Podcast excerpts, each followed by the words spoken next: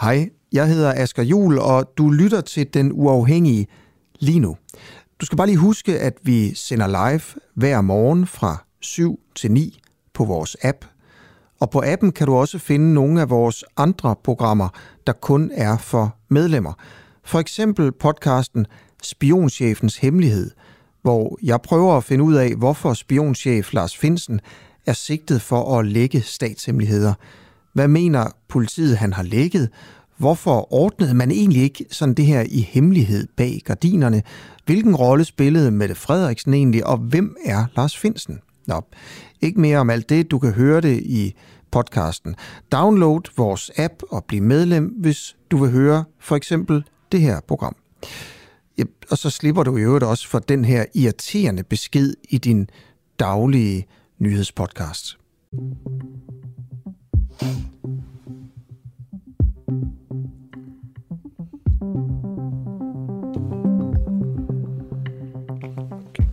Velkommen til En Uafhængig Morgen med Camilla Boraki og Christoffer Lind.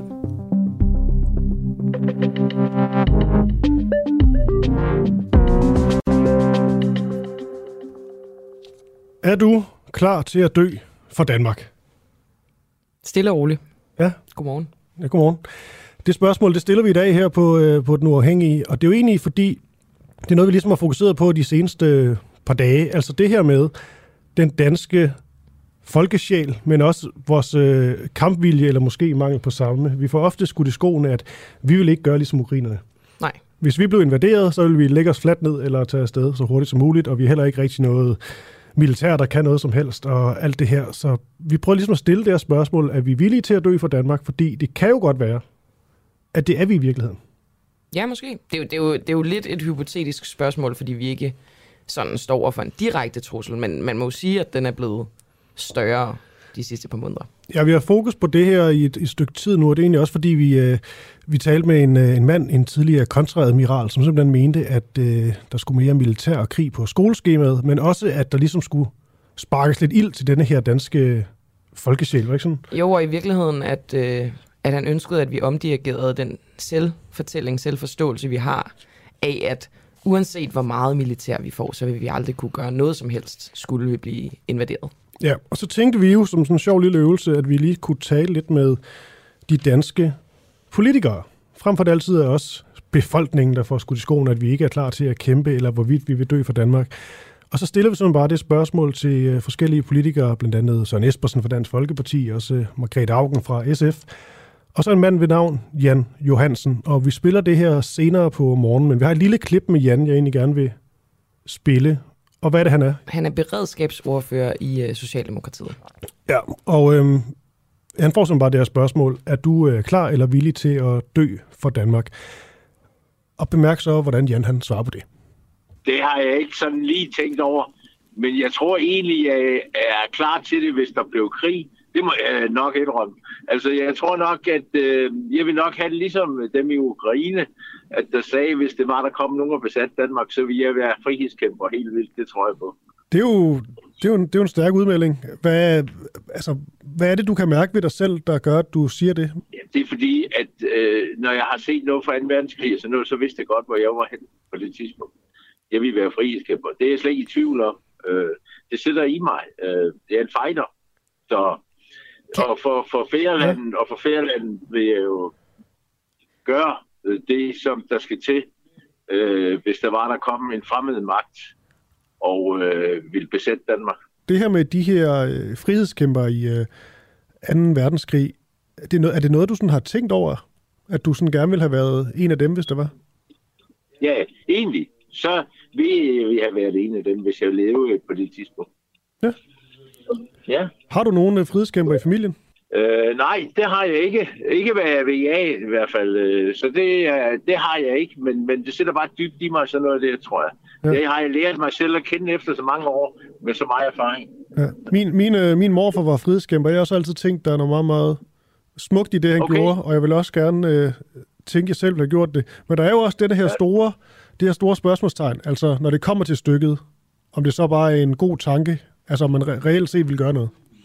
Nej, jeg vil gøre det. Det er 100 procent. Det er klar tale. Tak for det, Det, Jan Johansen. ja, sådan er det. Jeg vil gøre det 100%. Frihedskæmper, helt vildt. Ja, og der er også noget fantastisk befriende ved det her klip, fordi vi taler så meget om de her socialdemokrater, lidt som sådan nogle robotter, der ikke har så meget personlighed, som bare går efter partiets linje. Og så taler man med Jan. Og Jan, han havde ikke fået noget talepapir i hånden. Det er Nej. helt sikkert. Nå, lige før vi går til første indslag, Camilla, så er der også, øh, vi har også lidt fra øh, asylcenter øh, Avnstrup, hvor en, øh, en kvinde for et par uger siden jo blev øh, tvangsfjernet, og der var sådan en, en voldsom... Øh, oh, og der var sådan en, øh, en voldsom video ude, hvor øh, der sidder flere mænd over hende, der også taler om, at hun får en, øh, en sprøjte, sådan en beroligende sprøjte. Men det der er, den her video, der er kommet ud på sociale medier, mange var meget farvet over, i den video der er ikke noget øh, lyd, og vi ved faktisk ikke helt, hvad der er sket, men nu har vi faktisk lidt. Måske en ny viden. Ja, vi har i hvert fald et, øh, et øjenvidne, vi skal snakke med. Ja, og det øjenviden, det, øh, det ser vi frem til at høre mere om. Det er 8.25. Yes. Men vi starter et andet sted. Bliver pensionerede lærere og pædagoger økonomisk straffet af regeringen, hvis de hjælper ukrainske flygtninge? Børne- og undervisningsminister Pernille rosenkrantz teil hun har opfordret til, at pensionerede lærere og pædagoger hjælper til med at håndtere de ukrainske flygtningebørn. Men som det er lige nu, så vil øh, den løn, som øh, pen- en pensioneret lærer eller pædagog modtager, måske blive modregnet deres pension. På den måde kan de altså ikke tjene penge på det her arbejde. Og det er en øh, økonomisk straf, det mener i hvert fald øh, René Christensen, som er beskæftigelsesordfører i Dansk Folkeparti. Og øh, René, kan du ikke lige forklare kort, sådan, hvad, hvad er problemet, som du ser det? Og godmorgen. Ja, godmorgen. Og jeg skal også lige sige, at jeg sidder altså lige på en færge, så hvis der er lidt baggrundsstøj, så er det det. Det lyder Øh, rigtig godt, jo. faktisk.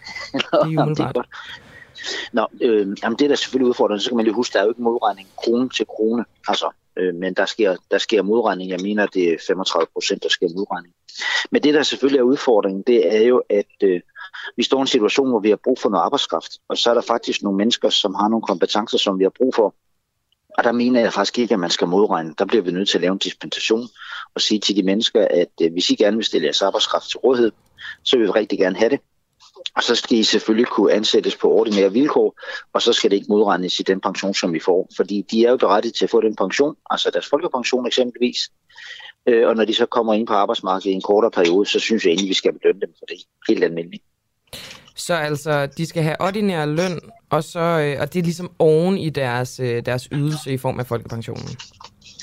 Ja, fordi det, man skal huske, det er, at hvis de nu ikke kommer, så kommer det jo til at gå ud over normalområdet. Altså, hvis vi kommer til at mangle folkeskolelærer, jamen, så er det jo den almindelige folkeskoleklasse, der kommer til at opleve, at øh, der bliver indkaldt flere vikarer. Øh, vi kommer til at mangle arbejdskraften. Og så begynder sådan hele skolesystemet at blive meget, øh, hvad skal man sige, øh, markeret af, at øh, vi får den her udfordring. Så det vil være en meget, meget, meget stor hjælp for eksempelvis folkeskoleområdet, hvis de her læger, det vil byde sig til. Og man må bare sige, sådan noget som penge, det plejer jo som regel at være et meget godt motivationsfaktor. Det kan man sige, men, men hvorfor er det et problem, hvis de får det samme, som de ellers ville have fået i deres folkepension? Jamen, så skal de ikke, så skal de ikke ansætte, så skal de gøre det som øh, frivilligt arbejde. Altså, så, øh, så skal de gøre det frivilligt, fordi de gerne vil det.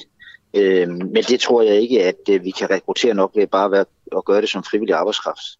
Jeg mener, at øh, hvis der kommer 100.000 øh, kvinder og børn til Danmark, øh, og det er jo faktisk det, der kommer der kommer ikke så mange mænd, det er kvinder og børn, og derfor tror jeg, der bliver rigtig mange børn.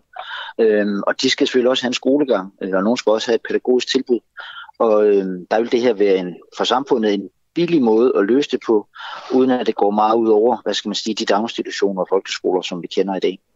Men det er vel endnu billigere, hvis, altså, hvis det bliver, bliver modregnet, kan man sige. Ja, jamen ingen tvivl om det. Altså på, på regnebrættet, der, der vil det se, se billigere ud. Det vil være endnu billigere, hvis de gøre det frivilligt.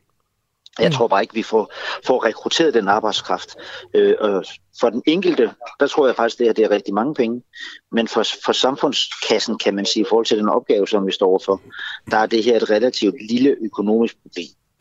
Men man kan sige, altså villigheden i den danske befolkning har, øh, har vist sig at være sådan ret stor til at hjælpe ukrainerne. Så hvor, hvor ved du fra, at folk ikke vil hjælpe frivilligt? Jamen, det, kan jeg ikke, det kan jeg ikke påstå, at jeg ved. Øh, men, men jeg ved i hvert fald, at hvis man bliver ansat sådan og, under ordinære vilkår, så har vi nemmere ved at rekruttere. Også fordi man skal jo huske, at øh, nogle af de her kvinder og børn, selvfølgelig dem, der kommer fra det vestlige Ukraine, de har ikke oplevet så meget, øh, så meget krig og ødelæggelse. Men dem, der kommer fra det østlige Ukraine, de har jo altså set nogle ting, øh, og derfor tror jeg, man skal passe på med at tro, at at de her mennesker bare sådan kan indgå i en, en normal hverdag. De har altså haft nogle oplevelser, og derfor er det også vigtigt, at der kommer nogen på, som har noget erfaring, men også har noget uddannelse, og det har de her pensionærer, læger og pædagoger, så derfor, altså vi har simpelthen brug for dem, og det synes jeg, at vi skal betale for. Så René Christensen, beskæftigelsesordfører i DF, de facto vil det her jo være en form for bonus, når mm, de her folk både får lov til at beholde deres folkepension, og så også tjene ordinær løn. Ja, det vil det være. Øh, og derfor skal det også være en dispensationsordning i en kortere periode. Det skal ikke være sådan, at man nu kan komme ind og så sige, nu vil jeg gerne være lærer eller pædagog igen, og så får jeg både hvad hedder det, min folkepension samtidig med, at jeg får min, får min løn, og det vil jeg gerne have de næste år. Nej, Hvor det er en kort periode? periode. Jamen, jeg vil tro den, øh, altså i hvert fald et år. Det vil, der, det vil der i hvert fald komme til at gå med det, og så må vi jo tage det op til overvejelse igen.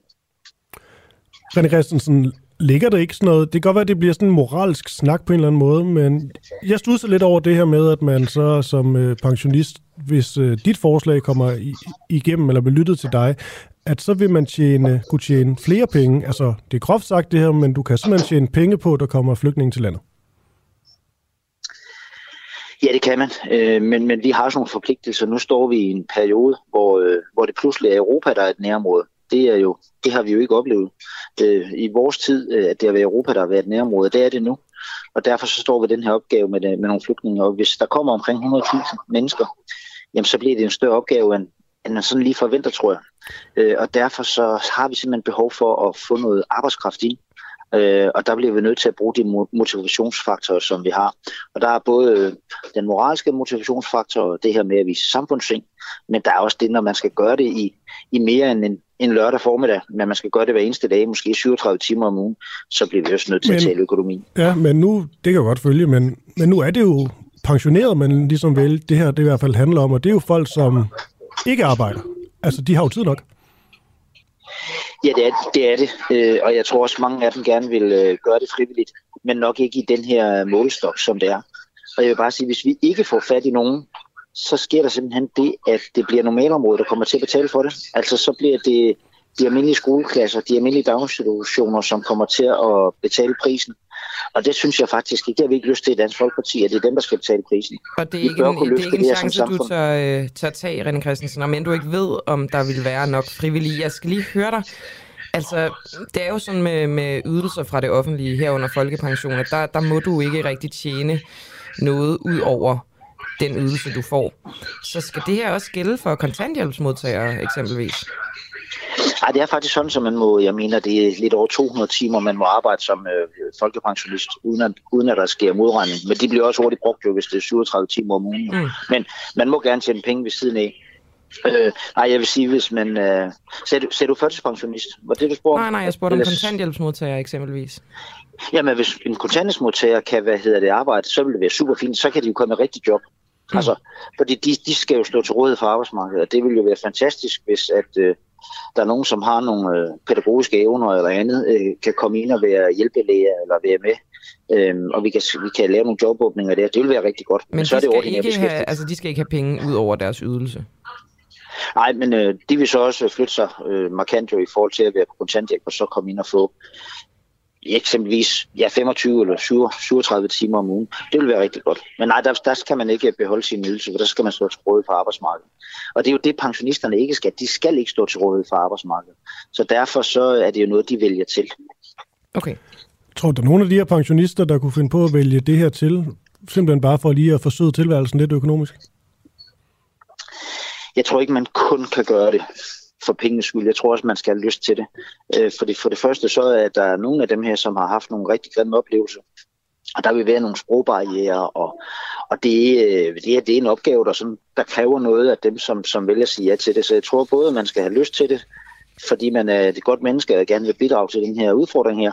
Og så er der ingen tvivl om, at øh, når man så får pengene, jamen, så tror jeg, at de fleste mennesker er lidt glade for det, når de går ind på kontoen, og det er man sikkert også, hvis man er folkepensionist. Okay, Øhm, så vidt jeg kan se, så er beskæftigelsesminister, undskyld, Peter Hummelgaard fra Socialdemokratiet, han, øh, han har ikke vil sige, om det her er et område, regeringen vil se på, eller, eller hvornår. Det skriver Jyllandsposten øh, i hvert fald. Jeg har dog også set, at de måske vil se på nogle øh, initiativer. Hvad regner du med, der kommer til at ske? Jamen, jeg tror simpelthen, at vi bliver nødt til at øh, blive indkaldt til nogle møder omkring det her. Øh, hvordan vi kommer til at håndtere det. Fordi nu snakker vi jo lærer pædagoger, men det bliver jo også, øh, hvordan skal vi klare det hele med dem, der skal have psykologhjælp og alle de her andre mange øh, services, som de her mennesker, de skal have, når de kommer i så stort antal, som vi forventer, de gør. Det bliver en stor opgave for det offentlige i Danmark. Det er jo en stor opgave allerede i forvejen. det er meget, meget dyrt. Der kommer rigtig, rigtig mange.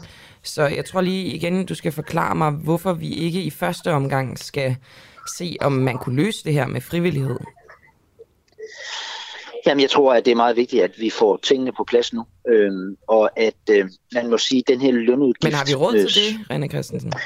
Ja, absolut. Altså det her, det er, det er næsten det mindste. Øhm, det er de her ansættelser i forhold til skolepædagoger. Det, der bliver det dyreste, det bliver jo øh, ophold og, øh, og forsørgelse for de her mennesker, og derfor er det også rigtig vigtigt, at øh, børnene får et godt tilbud, således at deres, øh, altså de voksne føler sig trygge ved det, øh, og hvis der er nogen, der har øh, arbejdsevne af dem, der kommer til, det forventer vi jo lidt, de har, at de skal komme ud på arbejdsmarkedet og tjene deres egne penge, øh, jamen øh, så, så det, bliver det jo godt for alle, fordi man får indhold i verden som, som flygtning, samtidig med at man tjener sine egne penge og med til at holde gang i julen i Danmark, det, jamen så, så bliver vi alle sammen vinder jo. Det lyder som om, du har lavet øh, udregningen, René Christensen, øh, så det, det afføder lidt nogle spørgsmål for mig, altså hvor mange øh, lærere og pædagoger er der tale om? Ja, det tør jeg ikke sige. Altså, det, det ved jeg faktisk ikke. Okay. Øh, og, men og jeg men ved, hvad er det, det, det øh, hvor meget billigere er det end for eksempel øh, at huse flygtningene? Jamen, det her tilbud skal de jo have under alle omstændigheder alligevel. Altså, de skal jo have et skoletilbud øh, alligevel, eller et pasningstilbud, de her børn. Så under alle omstændigheder har vi udgiften. Så øh, merudgiften bliver jo de her omkring øh, 30 procent, der sker som modregning i forhold til folkepensionen. Mm. For ellers skulle vi ansætte nogle andre, og hvis vi begynder at ansætte vikarbyråer, og så er de faktisk dyrere en ordinær beskæftigelse. Så, så man kan sige, det er ikke gratis, det er ikke nulsumspil, men, men det er ikke noget, der, der vælter budgettet som sådan. Og slet ikke, hvis vi øh, får givet øh, både børn og voksne en, øh, en god oplevelse, så de hurtigt kan få en, en, en hverdag, som, som, som ligner noget, de kender. Line, sidste, sidste spørgsmål her, René Christensen. Øh, det har vi måske, øh, hvad kan man sige, været lidt inde på allerede, men øh, det her med, at de så, som det er nu, dybest set ikke kan tjene penge på at begå det her arbejde, det vil du gerne have, at de, de kan. Ved du, hvor, hvor, hvor stort ønske der er for de her pensionister om at skulle øh, tjene, tjene mønt på at hjælpe flygtninge? Ja, det, det er meget vigtigt at sige, at altså, en pensionist, der går ud og arbejder, vil altid tjene penge, men der sker en vis modregning. Det er ikke krone til krone, så hvis man tjener 100 mm. kroner, så har man omkring 70 kroner tilbage af de 100 kroner, man har tjent, så det er de 30 kroner, man bliver modregnet, sådan cirka. Det er bare sådan en tomfingerregel. Ja. Nej, altså, jeg, jeg er helt sikker på, at der er mange, der gerne vil hvad hedder det, gøre det frivilligt også, men så bliver det nok væsentligt færre timer. Altså, Øh, og det er også fuldstændig fair, og jeg vil sige, dem, som kan bidrage med 10 timer, eller 20 timer, eller 25 timer, det skal være mere end, mere end velkommen, altså øh, hvis man kan det. Men jeg vil også bare sige, når vi står med en opgave, som vi skal have løst, så har jeg det også bare sådan lidt, så vil jeg egentlig også gerne øh, betale for det. Og hvis vi kan rekruttere noget arbejdskraft, som, som har nogle kompetencer, vi har brug for, og man skal jo huske, at de er pensionerede folkeskolelærer eller pædagoger, jamen altså, det er jo også nogen, som har en stor erfaring, og, og det vil vi kunne bruge i sådan en, skal man på, man kalde det en krisesituation, men det er det jo lidt alligevel, når man pludselig modtager så mange mennesker, som også har et fremmedsprog, og som har for nogens vedkommende været udsat for noget rigtig slemt. I det her tilfælde er det jo så krig. Øh, René Christensen, nu lovede Kristoffer lige, at det var sidste spørgsmål, men lyden på fagene er simpelthen så god, så jeg kunne godt lige tænke mig at spørge dig om et aller, aller sidste spørgsmål. Øhm, det her beløb, som du godt nok kalder for et småt beløb, skal det komme fra ulandsbistanden? Altså som udgangspunkt, så tager vi jo nu er det besluttet at tage omkring 2 milliarder for udenrigsbistanden. Øh, vi har sagt, at man kan godt gå op på omkring 5 milliarder, men man kan simpelthen ikke gå højere. Vi har 17,7 milliarder af udenrigsbistand, og det kan man ikke tømme fuldstændig ud, fordi så starter man jo bare folkevandringer fra resten af verden. Det er mm. meget vigtigt, at vi hjælper i nærområderne. Og nu er Danmark jo bare blevet nærområde, og derfor kan vi tage nogle penge, ligesom vi plejer at gøre. Men hvis man kommer over 5 milliarder, så begynder det at blive problematisk. De, så nogle de, kunne ekstra, tages de ekstra milliarder, I ønsker skal tages, hvor er det, de skal tages fra i bistanden? Hvilke steder, hvor vi hjælper lige nu, skal de tages fra? Jamen, der laver man den der prioritering, ligesom man plejer at gøre. Altså, der er jo desværre krig og udfordringer og hungersnød i, i hele verden hele tiden. Så hvert eneste år bliver der lavet sådan en prioritering, hvor man flytter rundt på pengene, ligesom det sker. Og det gør man jo i udenrigstjenesten. Det er jo ikke også politikere, der sidder og, og, og gør det. Så det har I ikke altså, nogen mening om? Jo, vi godt vil have en mening om det, men, men altså, vi har også mening? tillid til det. Ja, det er jo sådan set, at vi har tillid til, at dem, som sidder og arbejder med det, hvad hedder det, gør det på den bedst mulige måde, når man skal lave den her prioritering. De kender jo de projekter, der er i gang rundt omkring. Det gør vi. Vi er jo ikke helt nede i materien som, som politikere, så der skal vi have tillid til vores medarbejdere. Alright, jamen øh, det var vist det, René Christensen. Øh, du må have god sejltur. Du er beskæftigelsesordfører i Dansk Folkeparti. Tak fordi du var med. Ja, tak fordi jeg måtte være med. Og Camilla, nu skal vi tur til, øh, til Shanghai i Kina. Har du set den, øh, den video, der er floreret på, på nettet fra øh, denne her isolation i Shanghai? Ja, det har jeg. Der, altså, det kunne jo faktisk godt ligne noget, øh, et festligt arrangement nede i Sunny Beach, der bliver råbt ja. og skrevet. Det er ikke lige det, der er sagen. Nej, fordi at øh, med konteksten er det mere sådan en øh, dystopisk øh, film. Sådan nogle droner, der flyver rundt og sådan fortæller folk, at de skal blive inden for sådan det store hele, og, øh, og så ser man jo folk, der fra store boligkomplekser altså råber og skriger, og det virker jo til, at det er sådan en form for protester, simpelthen fordi, at de er i en kæmpe lockdown. De må ikke forlade deres hjem. Men til gengæld er der også noget med, at der er fødevaremangel. Der er nogen, der er decideret sulter, det er i hvert fald de øh, efterretninger, vi får. Og så ligesom for at råbe, råbe højt. Det kan også være, at de ikke kan gå på sociale medier, som vi kan. Jeg ved det ikke. Øhm, så, øh, så råber de ud af vinduerne. Og så ser man sådan bare sådan nogle store boligblokke i Shanghai, hvor folk de, øh, de råber og skriger. Det er, det er ret voldsomme billeder. Og det er ret vildt det her, fordi mm. altså man kan sige, det er sådan noget med, at der er 20.000 smittede ja. øh, i en befolkning, der er altså mange, mange, mange gange større, ikke? Jo. Og det er jo fordi, Kina har denne her nul-tolerance-politik over for, øh, for corona, så da der kom det her smitteudbrud med den her omikron-variant, så valgte man simpelthen at lukke øh, Shanghai ned. Meget modsat det, der er sket herhjemme, må man, øh, må man sige, hvor vi ligesom valgte, at omikron er ikke så farlig, og derfor så kan vi egentlig godt leve videre, groft sagt. Men altså, det er jo også, som sagt, det er jo en video, det her, der ligesom florerer på sociale medier, og nogle gange så får vi heller ikke hele konteksten. Så nu prøver vi også ligesom at tale med en, der rent faktisk er i Shanghai, nemlig en øh, dansker ved navn Katrine Mosegård, som er ja, dansker, der øh, sidder i isolation i Shanghai lige nu. Og øhm, så vidt vi har forstået, så er Katrine Mosegård, altså ligesom så mange andre i byen, indespærret i, øh, i, sin, øh, i sin lejlighed. Mm-hmm. Og jeg tror, at vores teknik er ved at få fat i hende. Det er jo også lige noget med et eller andet Shanghai-nummer. Ja, Givet eller noget... Øh, Givet klokken er Shanghai WhatsApp. lige nu. Ja, det ved jeg faktisk heller ikke. Det kan jeg da finde ud af til dig. Mm. Om vi har vækket hende øh, midt om natten. Det må du gerne. Men altså, som sagt, så er Shanghai altså siden øh, starten af april været i det, der bliver kaldt for full lockdown. Og det er simpelthen for at begrænse smitten med covid-19. Og det samme det gælder jo for noget, der hedder Jilin i uh, det nordlige Kina. Og nu tror jeg faktisk, at uh, Katrine Mosegård uh, er med. Hej Katrine. Hej. Hej. Vil du lige for... Godmorgen. Ja, godmorgen, godmorgen. For os og lytterne lige beskrive din situation lige nu. Ja, jamen øh, vi sidder her i lockdown i Shanghai, og det har vi gjort i øh, ja, 12 dage nu, siden den 1. april.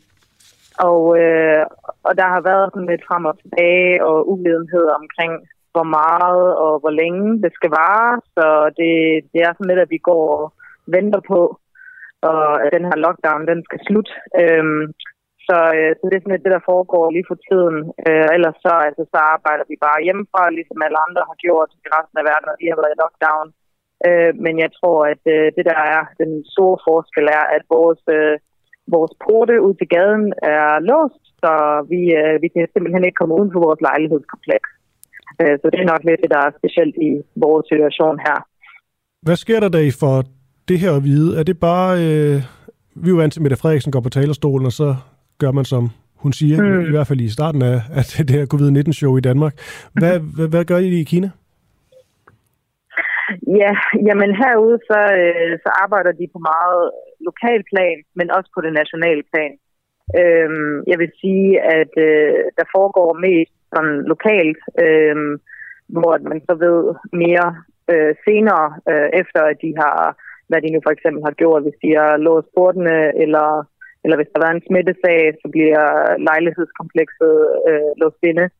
Øhm, så herude så foregår det sådan lidt, at der er både det, den lokale, de lokale myndigheder og de nationale myndigheder.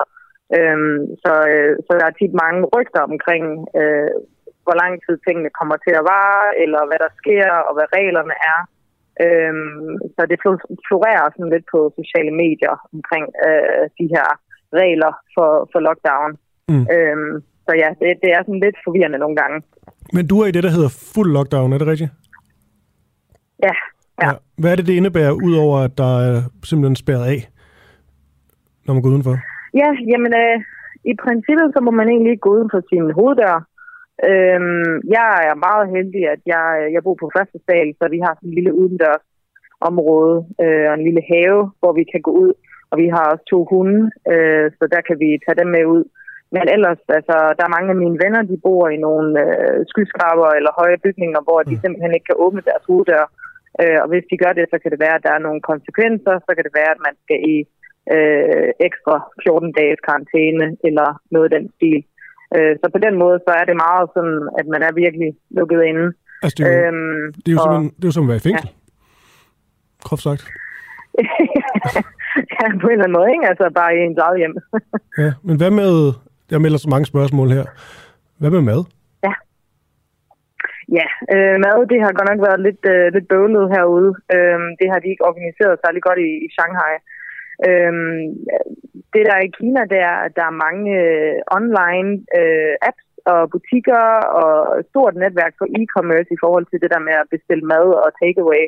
Men øh, i den her periode, så har alt været lukket øh, i forhold til de normale butikker og restauranter, som man kan bestille fra. Øhm, der er nogle enkelte supermarkeder, som har været åbne, men så åbner de øh, deres online butik kl. 6 om morgenen, og så sidder folk parate, og efter et minut, så er der udsolgt. Øh, så det er lidt, øh, det er lidt vanvittigt. Men, øh, men det vi så kører meget på her øh, i, herhjemme, det er, at øh, vi, vi får en del af det via venner, og så er der nogle øh, butikker, som lige er åbnet, og så bestiller man noget hurtigt, øh, eller også så går man ind og bestiller nogle emergency box øh, fra, fra nogle expat supermarkeder, som kommer efter et par dage. Der er også lidt mad fra regeringen. De giver noget mad ud øh, et par gange om ugen, øh, men det er sådan meget besat, altså æg og mælk og ris og sådan noget. Øh, ja. Så ja, det, det er meget bøvlet. For er der nogen, er der nogen sikring på, at folk rent faktisk får mad? Jeg sidder og tænker, at der vil også altså, ældre mænd og kvinder eller andet, som ikke lige har så meget styr på den her online ting? Ja, det er et godt spørgsmål. Øhm, det er nemlig det, der har været problemet, det er, altså, at, øh, at de ældre, de, de har jo ikke rigtig adgang til online. Altså, så det, jeg tror, der sker meget med, det er, altså i Kina, der har de jo virkelig sådan et, et tæt familiesammenhold, så, så kan det være, at deres børn eller deres børnebørn hjælper dem. Øh, men ellers så er det også derfor, at regeringen har gået ind og givet de her øh, gratis øh, mad et par gange om ugen øh, til forskellige lejlighedskomplekser. Øh, men selvfølgelig så det er sådan lidt, man, man ved ikke rigtig, hvornår det kommer. Øh, og det er også frivillige, øh, som, som giver det ud. Så det er meget sådan, ja, at man bare går bare lidt og venter på mm. det. Hvis du nu skulle finde på at forlade, din, forlade dit hjem, måske kravle over en port, mm. og så bare få ud på gaden for at få lidt luft, altså hvad kan der ske? Øh, ja, altså det har jeg selvfølgelig ikke prøvet, men, øh, men det jeg tror, der kan ske, det er, at altså, der er jo... Øh, for det første, så er der kamera over det hele her, øh, men øh, man vil nok hurtigt blive opdaget. Øh, men udover det, så går der frivillige rundt ud på gaden hele tiden. Øh, jeg tror, at det, der vil ske, var, at man enten så, altså, så bliver man bedt om at, at gå hjem, øh, og måske så kan det være, at de øh, får sat lidt ekstra sikkerhed omkring en. Øhm, eller også, ja, så, så kan det være, at øh, der kommer en politimand og snakker med en. Okay. Øh, så jeg tror helt sikkert, at de involverer politiet, hvis det er. Ja. Okay, og det er jo helt tydeligt, at der er sådan lidt panisk stemning. Vi har i hvert fald set denne her, den her video, der florerer på de sociale medier herhjemme lige nu, hvor man ser folk, der råber og skriger fra deres øh, boligkomplekser. Er det noget, du har oplevet, eller noget, du på en eller anden måde kan bekræfte sker? Altså, jeg har ikke oplevet noget selv. Øhm, det er meget stille og roligt her, hvor vi bor. Øhm, men altså, jo, der er en masse videoer, som florerer rundt på sociale medier, også herude. Øh, det der med, at folk de sådan råber ud af vinduerne, altså, jeg tror, at det, det, det har man set mange steder i verden, hvor at, altså, vi har set herude, hvor at der var nogen, der spillede musik eller noget den dur. Øhm, og der var nogle børn, som, som råbte, at øh, ja, kom så og ikke give op og så videre. Så, så det tror jeg, sådan, ja, det skal man måske tage lidt med et selv men jo, der er nogle videoer, som florerer rundt, og man ved ikke sådan helt, hvor og hvornår det er sket. Øhm, men altså, ja, jeg har ikke selv sådan i, i min egen øh, lille øh, neighborhood her, har jeg ikke mm. oplevet noget øh, i den dur. Men det er også derfor, det altid er godt at tale med en, der rent faktisk er til stede sådan et sted. For det er jo ikke, fordi det ikke mm. måske sker det her, men, men du siger dog, at øh, det er ikke sådan, mm. at, at dig og alle, du bor sammen med, de står og råber og skriger ud af vinduerne for sådan desperation. Nej, altså helt sikkert så er folk jo frustreret, fordi ja. at vi ikke rigtig har vidst, hvor længe det skulle vare, og det er først nu her i går i dag, at vi er kommet med en deadline. Øh, vi har så lige fået at vide, at vi har en enkelt eller to smittesager nu i vores øh, lejlighedskompleks. Det vil sige, at vi skal være herinde i 14 dage mere, hvor vi troede, vi kunne komme ud den her uge. Så der er meget sådan forsinkelse på det hele, og det er det, der er meget frustrerende. Og jeg tror, jeg har, jeg har set nogle videoer, hvor folk har været meget desperate i forhold til, at de, de kan bestille, hvilke mad de, de normalt spiser. Der er helt sikkert folk, der er frustreret, og, og nogen er måske mere desperate end andre. Okay, Katrine Moskov, vi, øh, vi skal til at slutte, og du ja, skal jo bare tilbage, ja. tilbage i isolation. Det er fandme hårdt.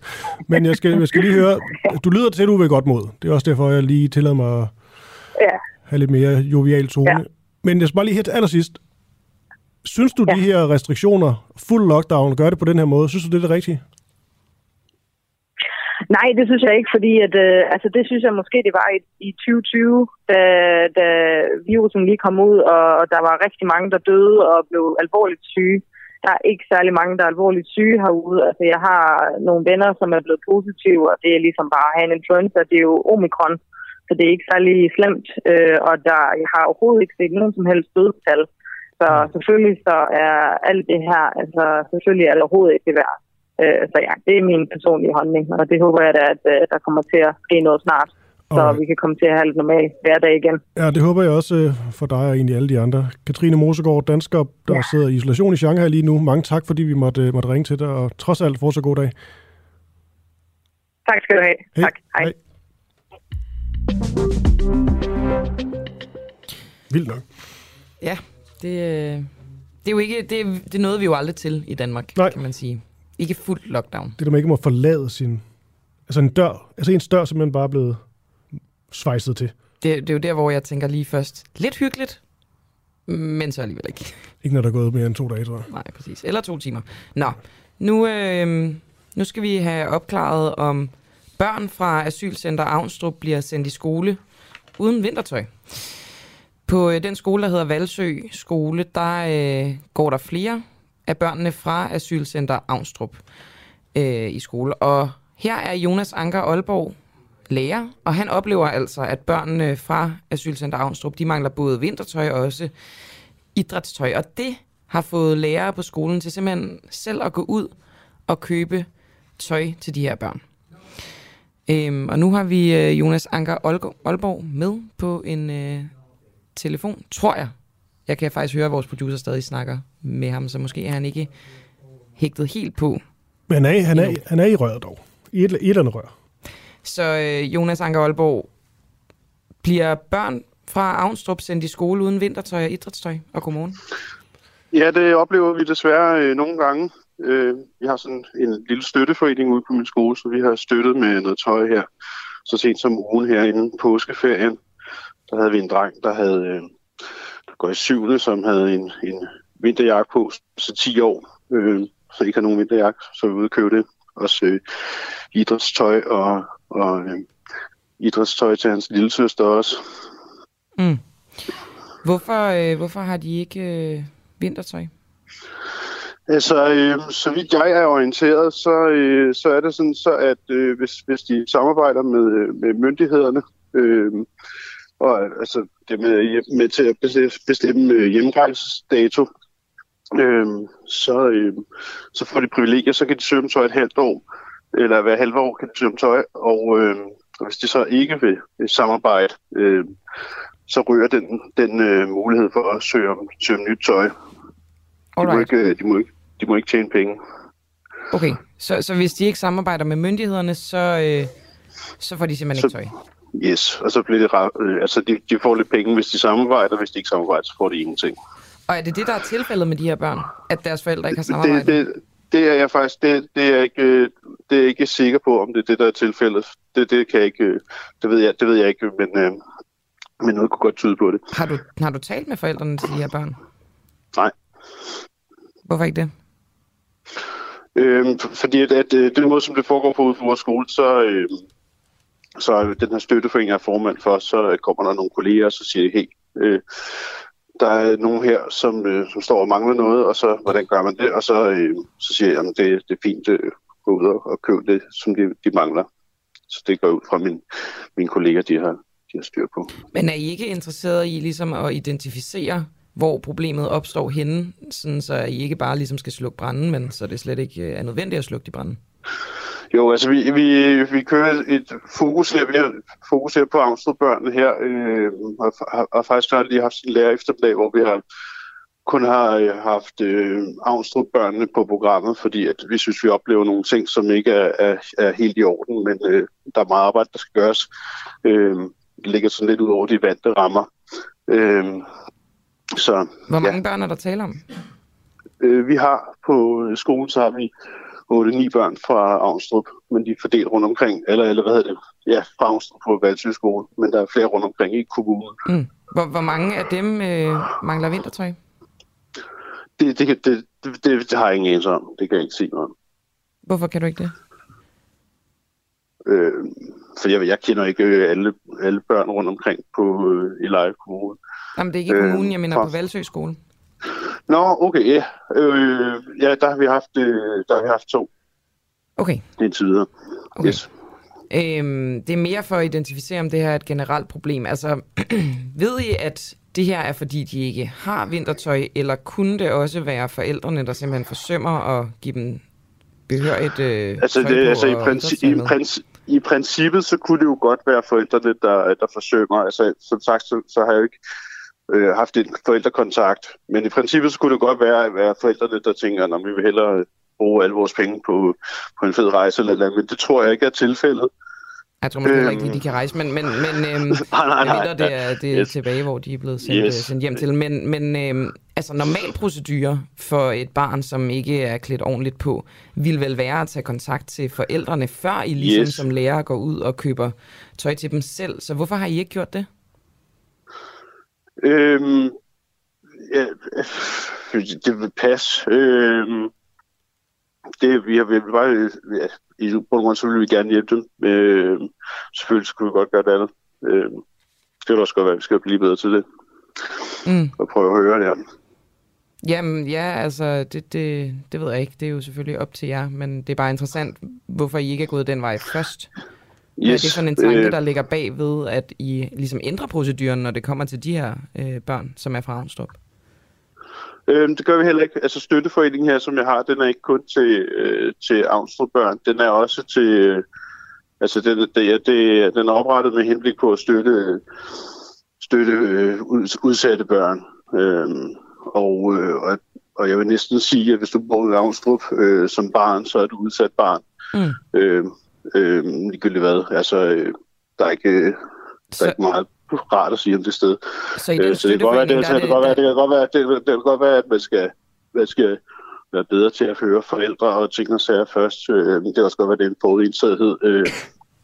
Så, så altså, så. det er proceduren i den her støtteforening, at I øh, støtter, før I, I spørger i virkeligheden? Øh, altså, hvad hedder det? det altså før I tager kontakt Nej, vi, til forældrene? Ja, ja, ja. Øh, det, det, er egentlig så, den er ret ny, øh, så vi har ikke sådan lavet procedurer på det øh, på den måde.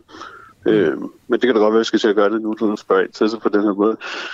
Det, det er i hvert fald bare interessant. Altså, det er jo ikke øh, fordi, at det er et kæmpe beløb, at lærerne skal ud og, og købe tøj, men øh, du ved, det er vel mere bæredygtigt, hvis man får... Hvis det nu er sådan, at det er forældrene, som, som forsømmer at give dem tøj på, men de i virkeligheden godt kunne, så er det vel mere bæredygtigt at gøre forældrene opmærksom på, at de skal det. Det er vel også det, der vil være en normal procedure i en folkeskole.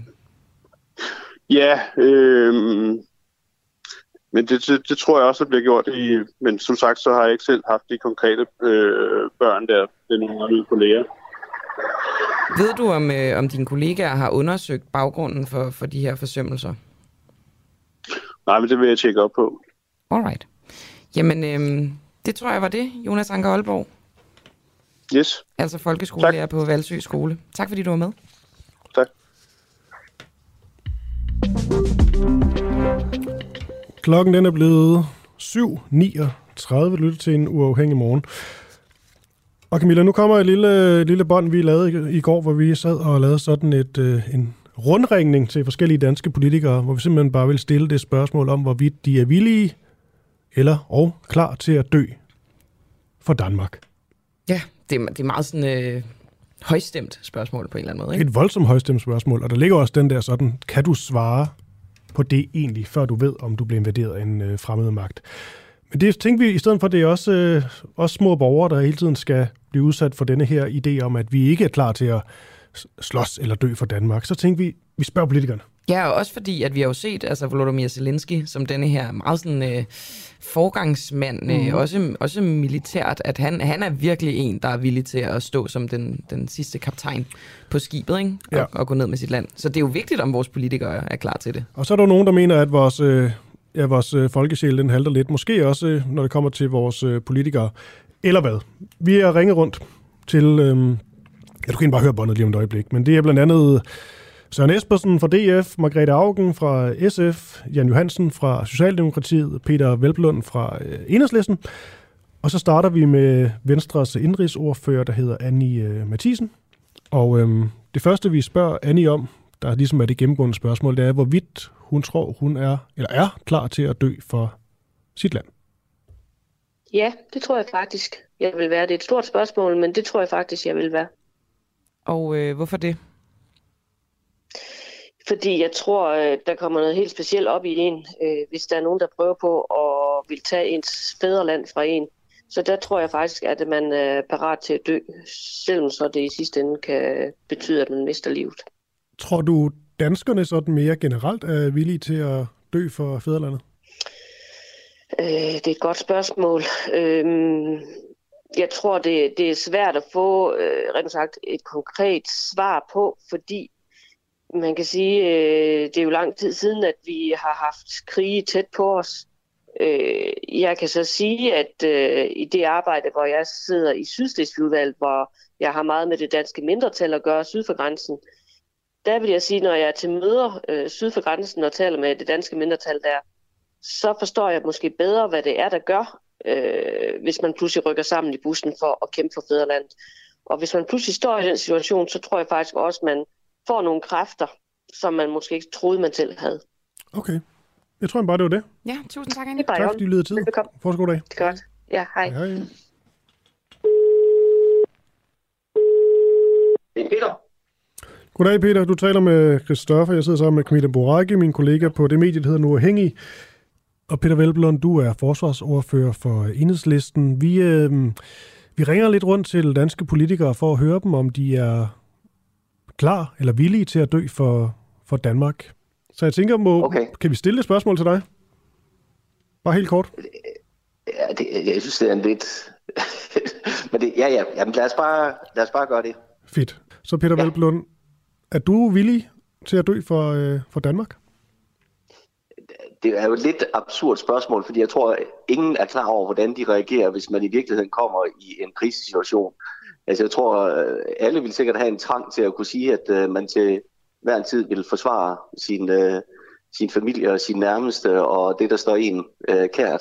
Men, men hvis man skal svare ærligt på det, det, det kan du jo ikke, fordi du ved ikke, hvordan du reagerer. Det synes jeg, alle de kriser og krigssituationer, vi har oplevet indtil nu, tydeligt har afsløret. Så, så det, jeg skal ikke uh, kaste mig ud i at være uh, en folkeheld på, på forventet efterbevilling. Men nu siger du, øh, forsvare sin familie og sine nærmeste. Vil du øh, også forsvare Danmark? Og hvis det er Danmark, du vil forsvare, hvad er det så ved Danmark, du gerne vil forsvare? Nå, men det er klart, der, der er jo, altså det der, jeg synes det der er det centrale, er jo det med, med hvad hedder det, demokrati og, og de demokratiske frihedsrettigheder, og, og skulle man komme i en situation, hvor der var nogen, der ville kue dem, øh, altså fratage øh, befolkningen retten til at, at, at, og kunne have så stor frihed og bestemmelse over, øh, over eget liv, øh, så, så vil, altså, det vil jeg da bekæmpe. Men, men altså på forhånd at stå og sige, hvordan jeg vil reagere i- konkret i sådan en situation, det, det kan jeg jo ikke gøre. Okay, og så her til sidst, Peter Velblom. Vi har jo talt med nogen, som ligesom til det her spørgsmål med det samme bare svarer, ja, de er villige til at dø Ja. for Danmark. Men du mener at trods alt, det er sådan lidt for, lidt for letkøbt? Nej, det synes jeg er temmelig letkøbt, fordi der, altså, i virkeligheden er der jo ingen, der ved, hvordan man reagerer i sådan en situation, og, og folk, der føler sig alt for sikre på, på egen formåen i den forbindelse, vil jeg nok, øh, vil jeg nok øh, hvad hedder det, have en, en lille smule øh, hvad hedder det, øh, mistanke om, at det er ikke sikkert, det er sådan, det forholder sig, når det kommer til stykket. Nej. Altså, jo mere skråsikker man er i den slags afgørelse, desto mindre troværdigt, synes jeg, det er. Modtaget. Tak for det, Peter. Velbekomme. Ja, hallo, det er Søren. Hej Søren, du taler med Christoffer. Jeg sidder sammen med Camilla Boracchi fra mediet Den Uafhængige. Er du villig til at dø for, øh, for dit land? Jamen altså, det er jo, det, det er jo, vi, vi aner ikke, hvordan vi vil reagere, når den, når den tid kommer, eller hvis den kommer. Og derfor synes jeg også, det er sådan lidt, øh, det er lidt dumt at sidde og, og, og sige noget, som man måske gør helt anderledes. Det ved jeg ikke. Jeg tror, jeg, tror, jeg vil afvente og se, hvis sådan noget sker, og så mm. bliver vi sikkert klogere, så jeg skal ikke sige noget om det.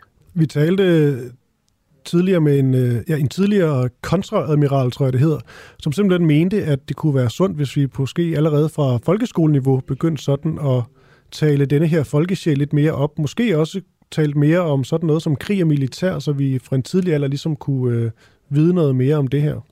Kan du følge den tanke?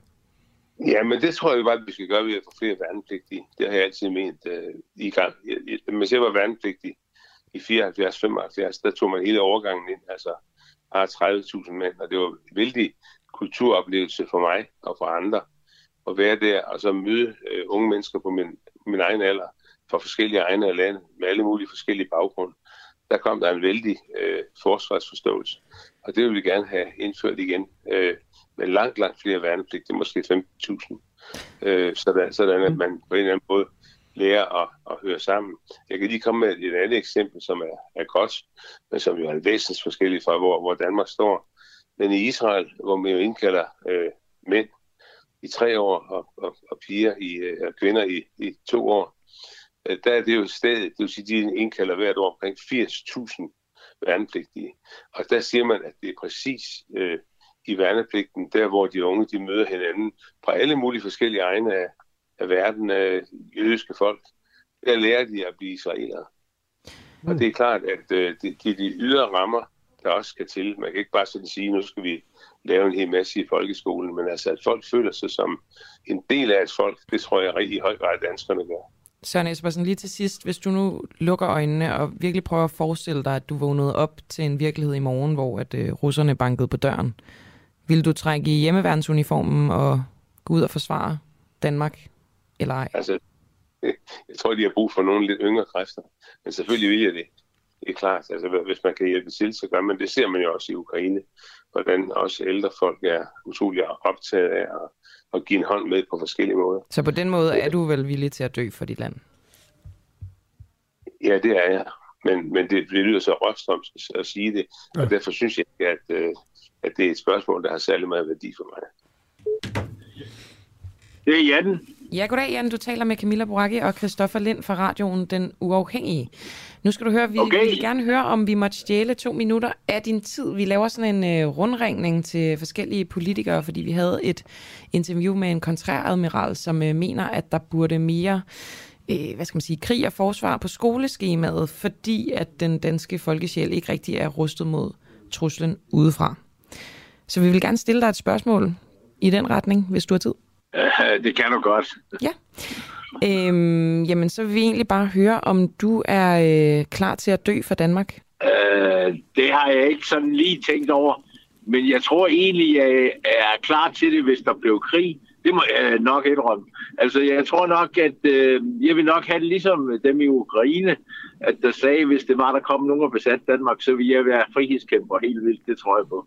Det er jo, det er jo, en, det er jo en stærk udmelding. Hvad, altså, hvad er det, du kan mærke ved dig selv, der gør, at du siger det? Ja, det er fordi, at øh, når jeg har set noget fra 2. verdenskrig, så, noget, så vidste jeg godt, hvor jeg var hen på det tidspunkt. Jeg vil være frihedskæmper. Det er jeg slet ikke i tvivl om. Øh, det sidder i mig. Øh, det er en fighter. Så, og for, for færelanden, ja. og for færelanden vil jeg jo gøre øh, det, som der skal til, øh, hvis der var, der kom en fremmed magt og øh, ville besætte Danmark. Det her med de her øh, frihedskæmper i øh, 2. verdenskrig, er det, noget, er det noget, du sådan har tænkt over? At du sådan gerne ville have været en af dem, hvis det var? Ja, egentlig. Så ville jeg have været en af dem, hvis jeg levede på det tidspunkt. Ja. Ja. Har du nogen øh, frihedskæmper i familien? Øh, nej, det har jeg ikke. Ikke hvad jeg ved af, i hvert fald. Øh, Så det, er- det har jeg ikke, men, men det sætter bare dybt i mig, sådan noget af det, tror jeg. Ja. Det har jeg lært mig selv at kende efter så mange år, med så meget erfaring. Ja. Min, min, øh, min morfar var frihedskæmper. Jeg har også altid tænkt, der er noget meget, meget smukt i det, han. Okay. gjorde, og jeg vil også gerne øh, tænke, at jeg selv ville have gjort det. Men der er jo også det her store, det her store spørgsmålstegn. Altså, når det kommer til stykket, om det så bare er en god tanke, altså om man re- reelt set vil gøre noget. Nej, jeg vil gøre det. Det er 100 procent. Det er klart tale. Tak for det, Det, Jan Johansen. ja, sådan er det. Ja, det er i orden, du. Perfekt. Godt. Kan I en god dag?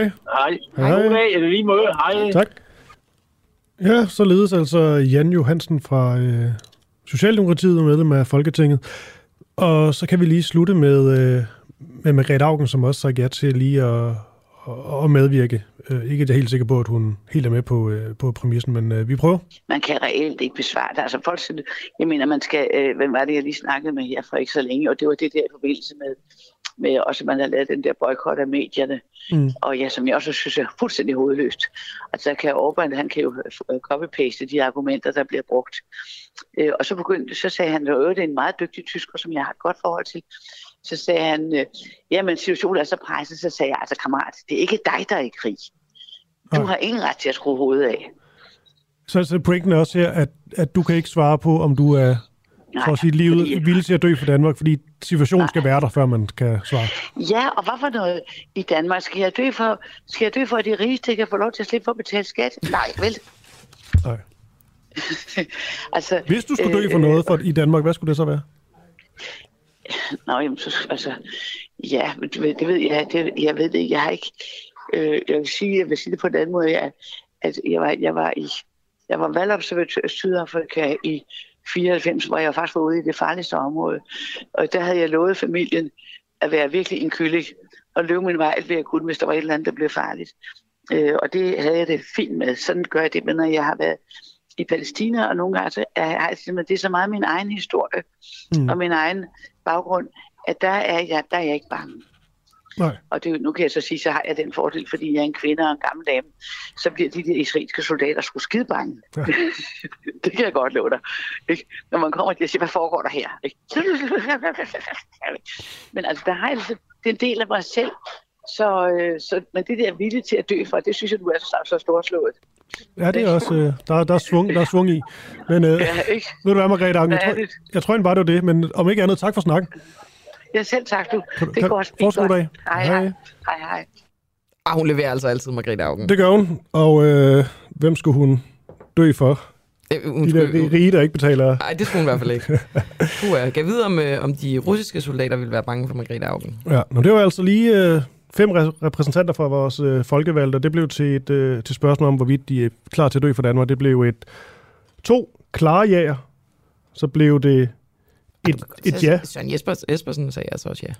Jamen, det gjorde han, men han sagde du med for... Eller, han sagde faktisk klart ja. Ja, det gjorde han. Hvad var det så mere? Peter Velblund. Han sagde dybest set også, også ja, men ville ikke sige det højt, fordi det var for latterligt at sige øh, Mm. højt. Og sagde jo faktisk, dem, der var mest sikre, det var dem, man mindst skulle lytte til.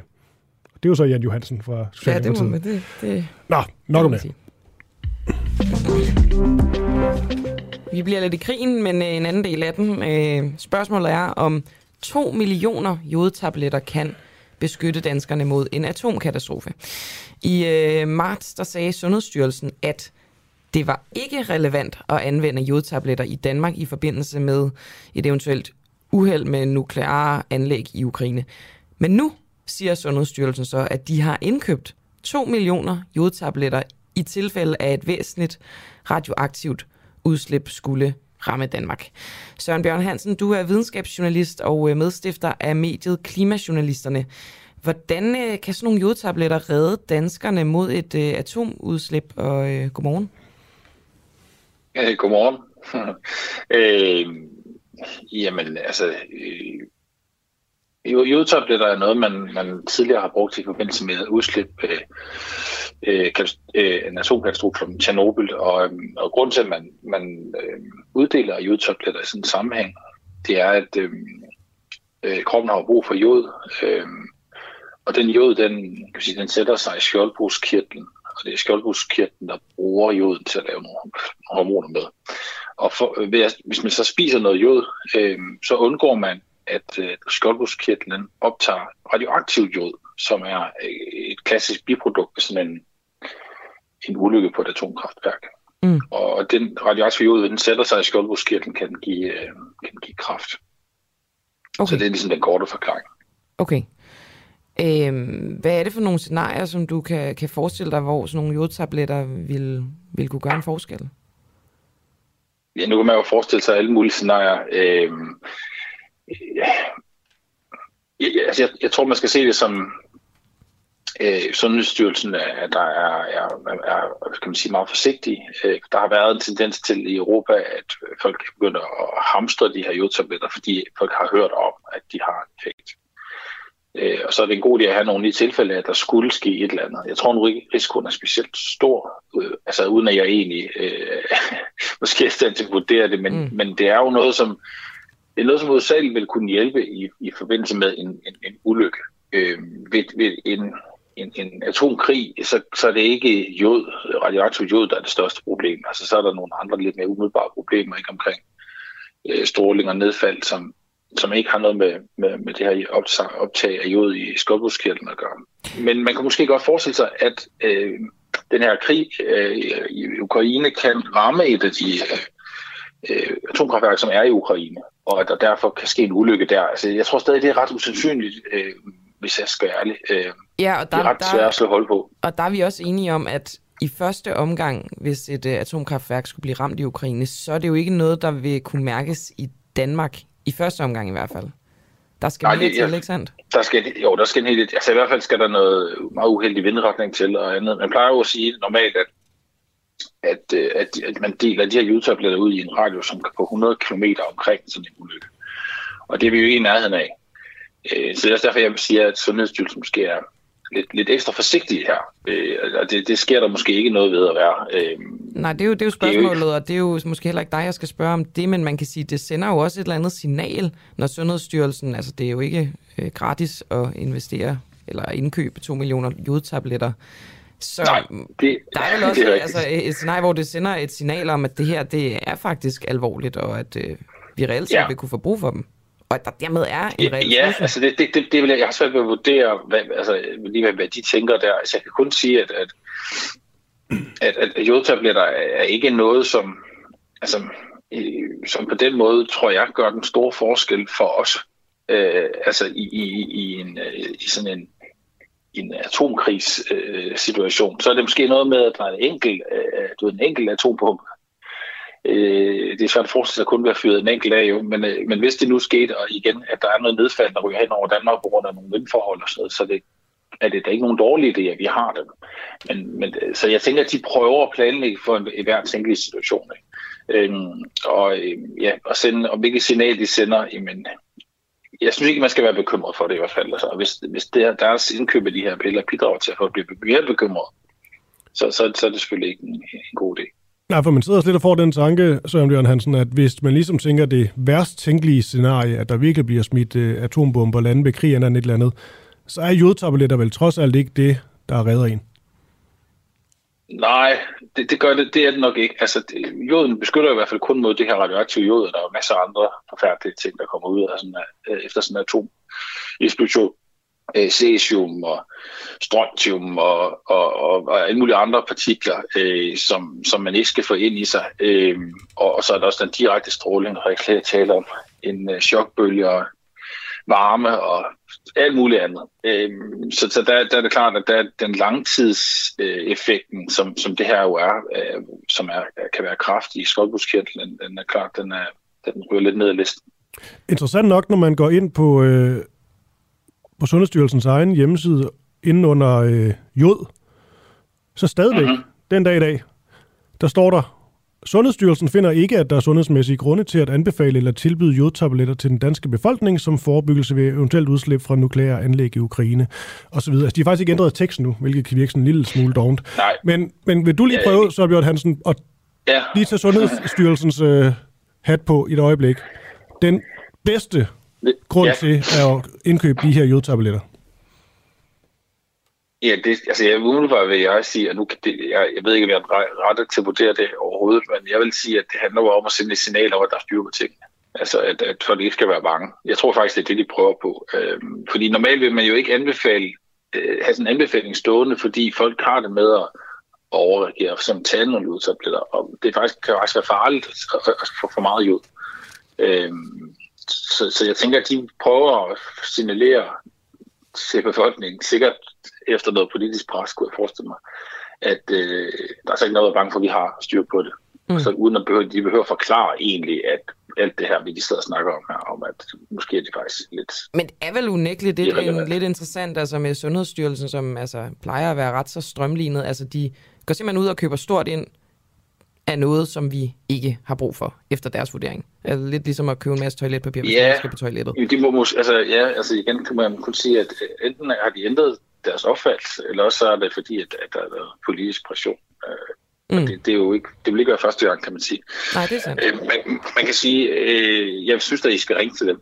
Ja, men det, det, det har vi, det har vi simpelthen også prøvet, men, men måske er det i virkeligheden noget, man skal grave ned i, om der er noget, noget politisk pres i virkeligheden. Det kunne vi jo godt kigge ja, lidt mere ind i. Det, det, det, det er svært at sige, hvad, hvad der er sådan direkte grundskud, eller hvad ellers. Okay, men det virker til, at du maner i hvert fald til, øh, til besindighed. Ja, ja, ja, altså igen, jeg er jo ikke mere end ret til at lave den, den vurdering, eller jeg overhovedet kan sige, øh, at, at man skal man ikke skal være bekymret, men jeg er ikke specielt bekymret over det. Der er masser af andet at være bekymret over i, i den der øh, konfliktsammenhæng, og, og lige det der med, med, med jod, radioaktiv jod, det vil jeg ikke gå og, og tænke så meget over. Tak for det, altså både fordi du var med for, for at sige det. Søren Bjørn Hansen, videnskabsjournalist og medstifter af mediet Klimajournalisterne. Tak skal Hej. Hej. Hej, du lytter til Den Uafhængige på podcast. Husk, at du også kan lytte med, når vi sender live hver morgen kl. 7.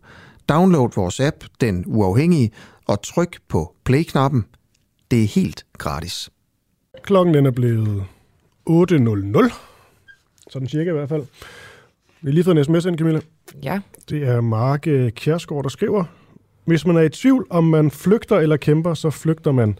Man ved godt, om man er villig til at dø eller ej. Erstat fædrelandet med dine børn, og se, om du stadig ikke ved det. Men, mange tak for den besked i øvrigt, øh, Mark. Jeg synes faktisk, det er interessant, den besked. Fordi det er jo et abadabaj. Jeg kan ikke helt slippe den her tanke. Det er jo netop det her med, altså hvor vigtigt er fædrelandet. Nu har jeg selv to unger. Og hvis alternativet ligesom er enten at blive og kæmpe for fædrelandet, og så lad os sige, ens børn tager til et andet land i sikkerhed, så bliver man jo tilbage for fædrelandet. Man kan risikere livet og ja, miste... Ja, man, Ja, dør, så- man dør så, så børnene mister deres far, ikke? Ja, lige nøjagtigt. Øhm, og der bliver det faktisk en ret hård opmåling på en eller anden måde. Fordi at jeg vil da altid vælge mine børn til, men så står man i den situation. Skal man så blive og forsvare fædrelandet, eller skal man tage med for at... Men det kan jo også være, at du ville forsvare det land, som også er dine børns. I stedet for, at de skulle være flygtninge. Jamen det er det. Jamen helt, Så på den måde kunne du også, det at kæmpe for fædrelandet, kunne jo også være for dine børn. det er rigtigt. Mere indirekte dog. Men man risikerer så også bare livet meget konkret, og ens børn kan med at miste en. Det er rigtigt. Nå, det er en spændende snak, synes jeg Jamen, det er det, og man kan sige, vi to, vi er jo begge to i tvivl, om vi vil blive at kæ- kæmpe. Så det vil altså efter øh, Max, øh, øh, hvad skal man sige, jeg, jeg, jeg, tanke ja. gøre, at vi vil flygte. altså jeg ved, jeg vil blive for mine børn. Ja. Men vil jeg også blive for Danmark? Nej, jeg Nå. ved det ikke. Nu stopper jeg. Vi kan også bare tage hele næste time og sidde og filosofere over, Ja. om vi vil blive at kæmpe. Det tror skal jeg- vi ikke. Det tror jeg være træls radio. Ja. Kommer OL til København. Simpelthen. Kultur- og fritidsborgmester Mia Nygaard, hun udtalte i går, at hun ønsker at afholde historiens mindste og billigste OL i København i 2036. Det er det me- mest danske forslag nogensinde. Vi vil gerne afholde OL, men det skal være helt småt. Det er, sådan, ja, det er selvovervurdering og så nedskalering. Ja, nå, og det kan altså lyde som et, øh, et rimelig urealistisk projekt, mener mange jagter i hvert fald. Især taget i betragtning af, hvor stort og dyrt de seneste OL'er de har, de har været. Men lad os nu lige prøve at lege med denne her tanke. Vil det så rent faktisk kunne lade sig gøre? Nu spørger vi ikke Mia, men spørger derimod Hans Natorp, som er formand for Dansk Idrætsforbund. Godmorgen, Hans. Godmorgen. Hans, lad os måske prøve med sådan en... Øh, en, øh, jeg ved ikke, måske en skala. Altså, hvor, hvor realistisk er det her? Altså, hvis du nu siger, at, øh, at 10, så kommer det til at ske med 100% sikkerhed, og 1, så øh, ser det umuligt ud.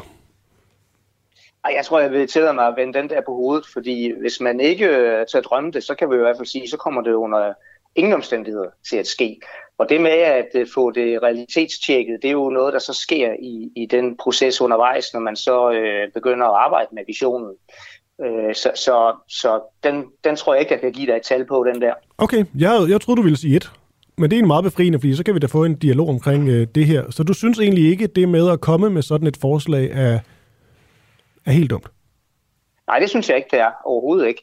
Øh, men, men altså, det, det er jo en kæmpe, kæmpe, kæmpe mundfuld. Og øh, det kræver også, at vi går, går ind og øh, kommer med nogle nye måder at se tingene på, men det ligger jo også meget i tiden. Altså hvis mm. vi øh, kigger på øh, hele bæredygtighedsagendaen, som, som, jo, som jo er øh, toneangivende på alt, hvad vi foretager os, og, og i høj grad også begynder at sætte dagsordenen i, øh, i sportens verden, så, øh, så sætter det jo også en ny ramme for, hvordan man skal afholde et OL i fremtiden. Og det synes jeg jo, at Mia Nygaard hun meget fint øh, øh, siger i den sammenhæng her.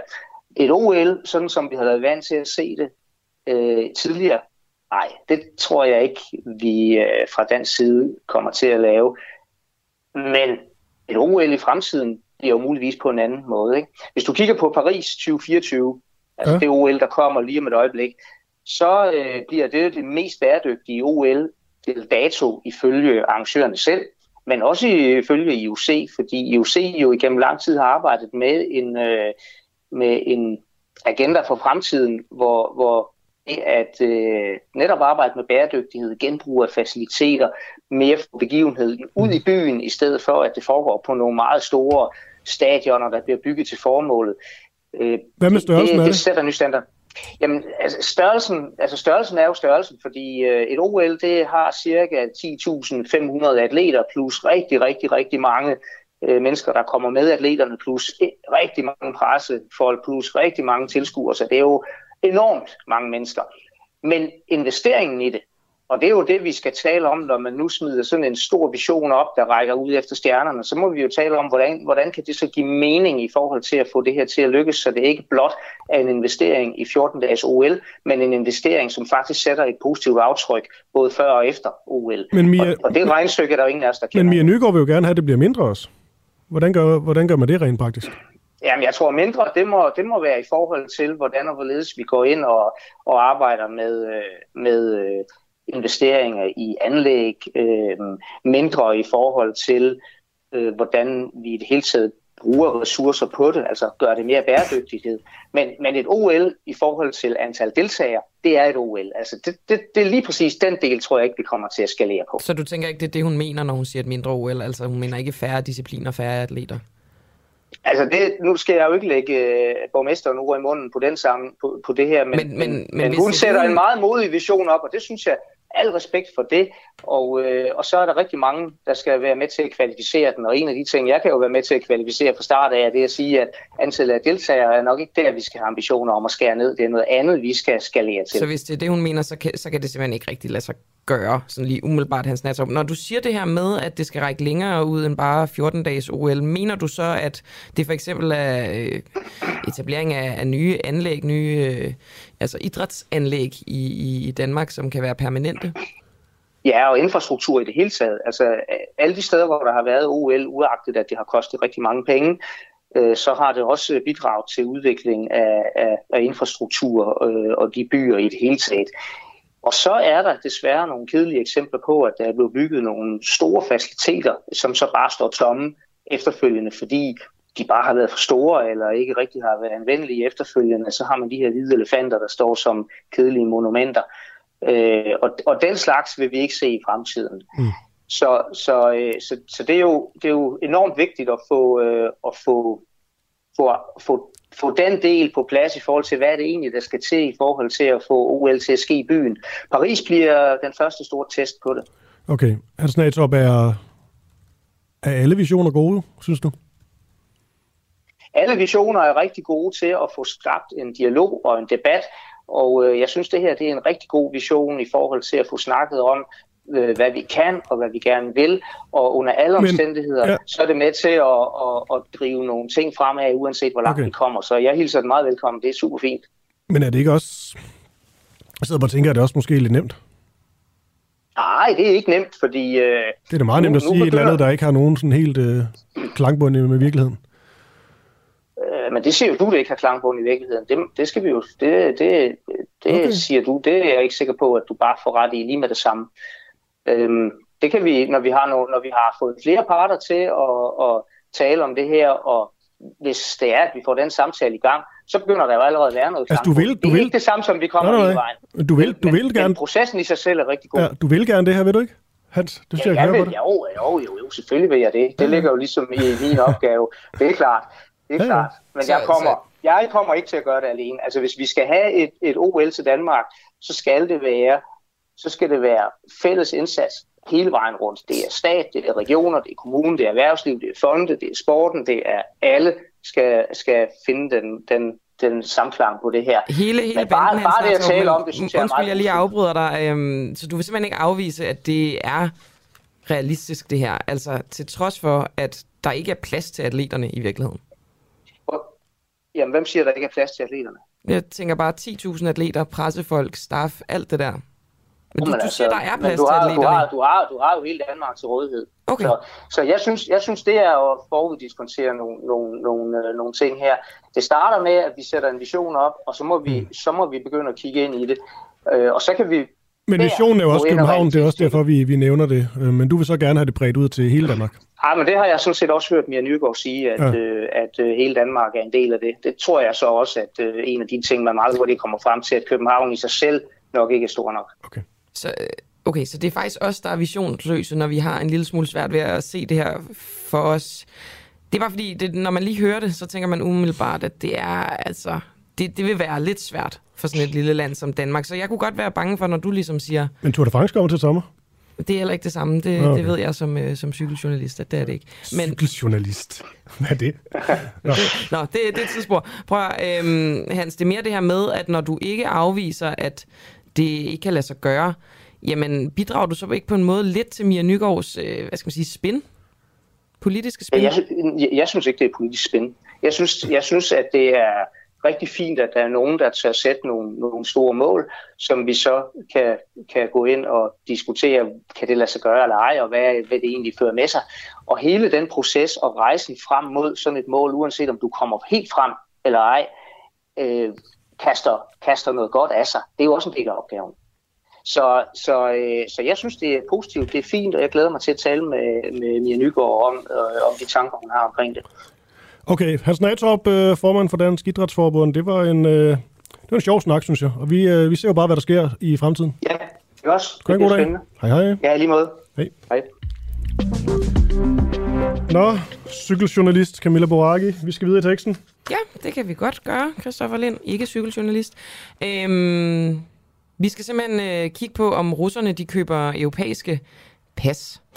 Både øh, små og store nyhedssites i Rusland, på både små og store nyhedssites i Rusland, der kan man øh, se sådan nogle reklamer for slovenske, romanske og slovakiske statsborgerskaber.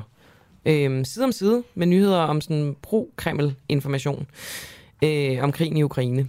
Og nu skal vi tale med ham, der hedder Jens Vorning, som er udenrigskommentator på Kristelig Dagblad og tidligere konsul i Sankt Petersborg. Og hvordan det her kan lade sig gøre, altså om russerne simpelthen kan købe europæiske pas, og Ja, om jeg- der er bare sådan reklamer. Ja, altså, jeg sad med vores øh, gode kollega i går, der øh, kan læse et russisk, var inde på en af de her sider, og så var det simpelthen bare, hun stussede over det.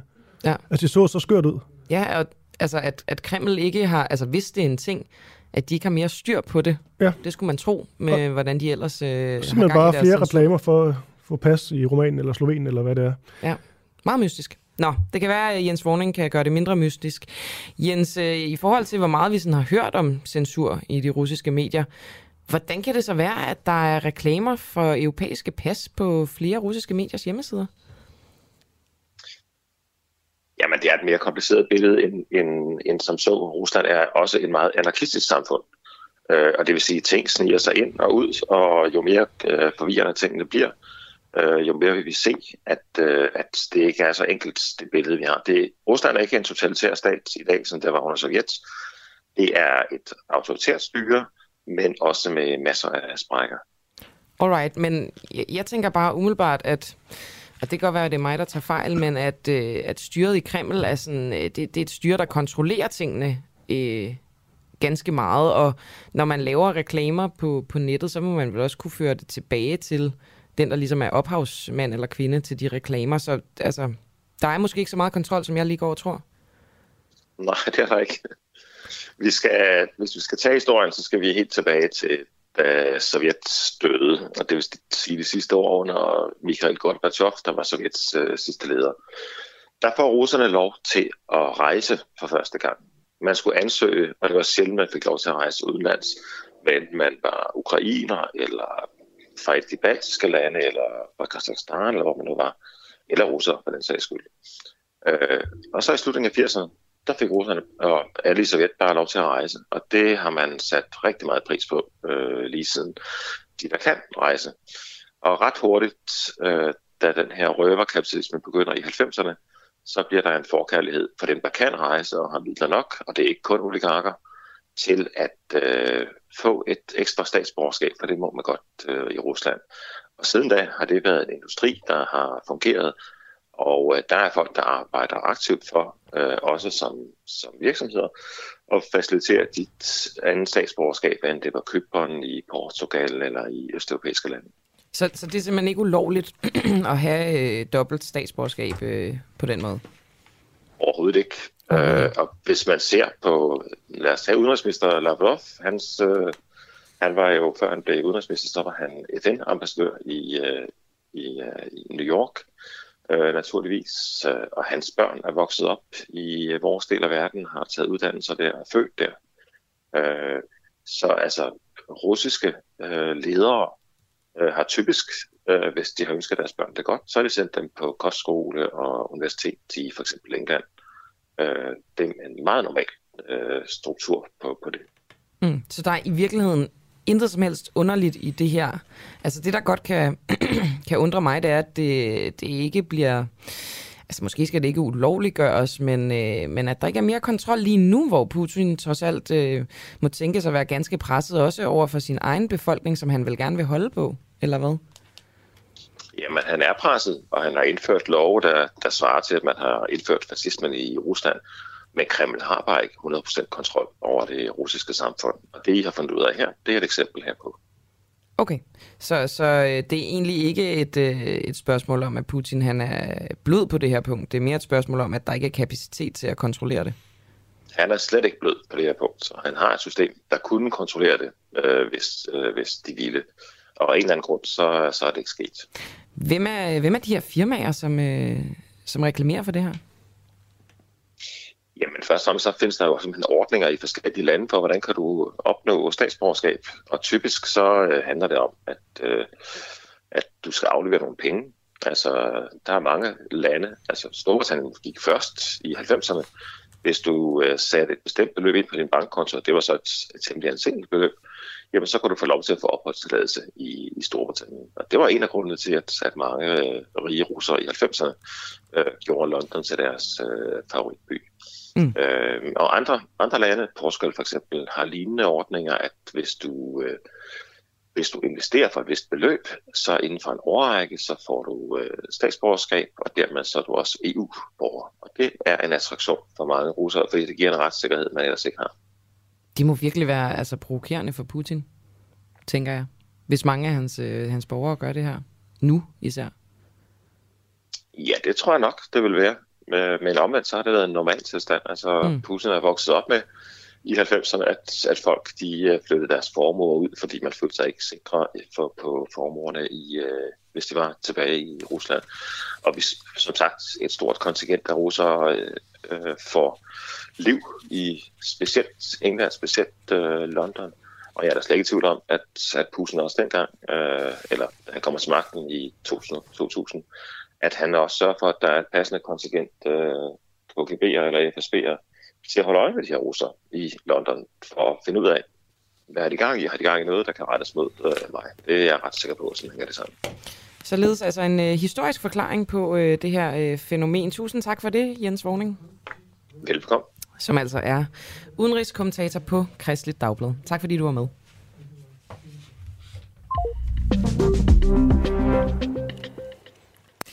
Jeg tænker, Kristoffer, at vi lige kan gøre lidt reklame for vores egen podcast. Den hedder Spionchefens Hemmeligheder, og den udkommer med et nyt afsnit i eftermiddag. Og det gør den, fordi at øh, der i sidste uge kunne øh, DR afsløre, at øh, spionchefen, den tidligere fængslede spionchef Lars Finsen, han simpelthen er blevet, øh, blevet overvåget. Blevet, øh, øh, der er blevet sat lydudstyr op, og så øh, har, øh, har efterretningstjenesten overvåget ham i, sit, i hans private hjem. Øhm, og det har Asger Jul, vores øh, kollega og chefredaktør, interviewet Trine Maria Ilsø fra øh, DR, som er mm. retskorrespondent der, om. Ja, og han tog så lige en længere øh, pause, Asger Jul, med at få det her afsnit ud. Det så der var nogle øh, lytter, der var meget utilfredse med. Men det tager jo tid at lave godt indhold. Det gør det. Og det er noget med, at der også kommer et nyt efter det her snart. Nu, nu kører det igen. Men altså, ja, Trine Maria Ilsø, lad os lige høre en lille bid fra det her. Er du sikker på, at den handler om det? Handler om hvad? At det er, man er træt af, at der har været sager i pressen, og så får man hårdt frem? Ja, det er jeg ret sikker på. Det er den 7. april 2022. Og for tre dage siden, der afslørede DR, at politiets efterretningstjeneste havde sat sådan nogle små mikrofoner op i spionchef Lars Finsens private hjem i Nordsjælland. Og så skal man altså forestille sig, at der har siddet efterretningsofficerer og lyttet med, når Lars Finsen har talt med sin kone og sine børn. Og det, der står i artiklen fra DR, det er, at Lars Finsen simpelthen er mistænkt for at have fortalt statshemmeligheder til sin familie. Lars Finsen er sigtet for at have lækket højt klassificerede oplysninger. Men ifølge vores oplysninger efterforsker politiet altså også, om han har røbet statshemmeligheder over for sin familie. Velkommen til Spionchefens Hemmelighed. Jeg hedder Asger Jul, og i den her podcast, der forsøger jeg, og det vil du vide, hvis du har lyttet til de andre afsnit, at finde ud af, hvorfor Lars Finsen han er sigtet efter en paragraf, der kan give op til 12 års fængsel. Det er altså en paragraf, der handler om landsforræderi. Det her det er den største spionskandale i Danmark. Den har bevågenhed fra hele verden. Vad han ska ha läckt framgår inte men dansk media har under de senaste åren rapporterat om flera fall kopplade till den danska underrättelsetjänsten. The Danish intelligence service and the Danish government haven't yet commented on the revelations, but they are sure to have ruffled some feathers here in Berlin. Og vi ved bare stadigvæk ikke, hvorfor Lars Finsen han er sigtet og mistænkt for at have røbet statshemmeligheder. Jeg hedder Trine. Min gæst i dag er Trine Maria Ilsø. Og hun sidder over for mig her i studiet med, med gråt hår og sådan et energisk blik i øjnene.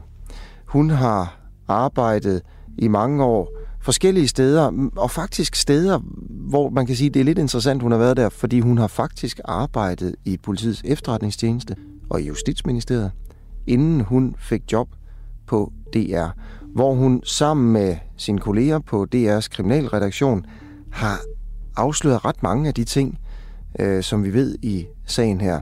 Og altså senest har Trine Maria Ilsø afsløret, at der var placeret små mikrofoner i spionchef Lars Finsens hjem i Nordsjælland.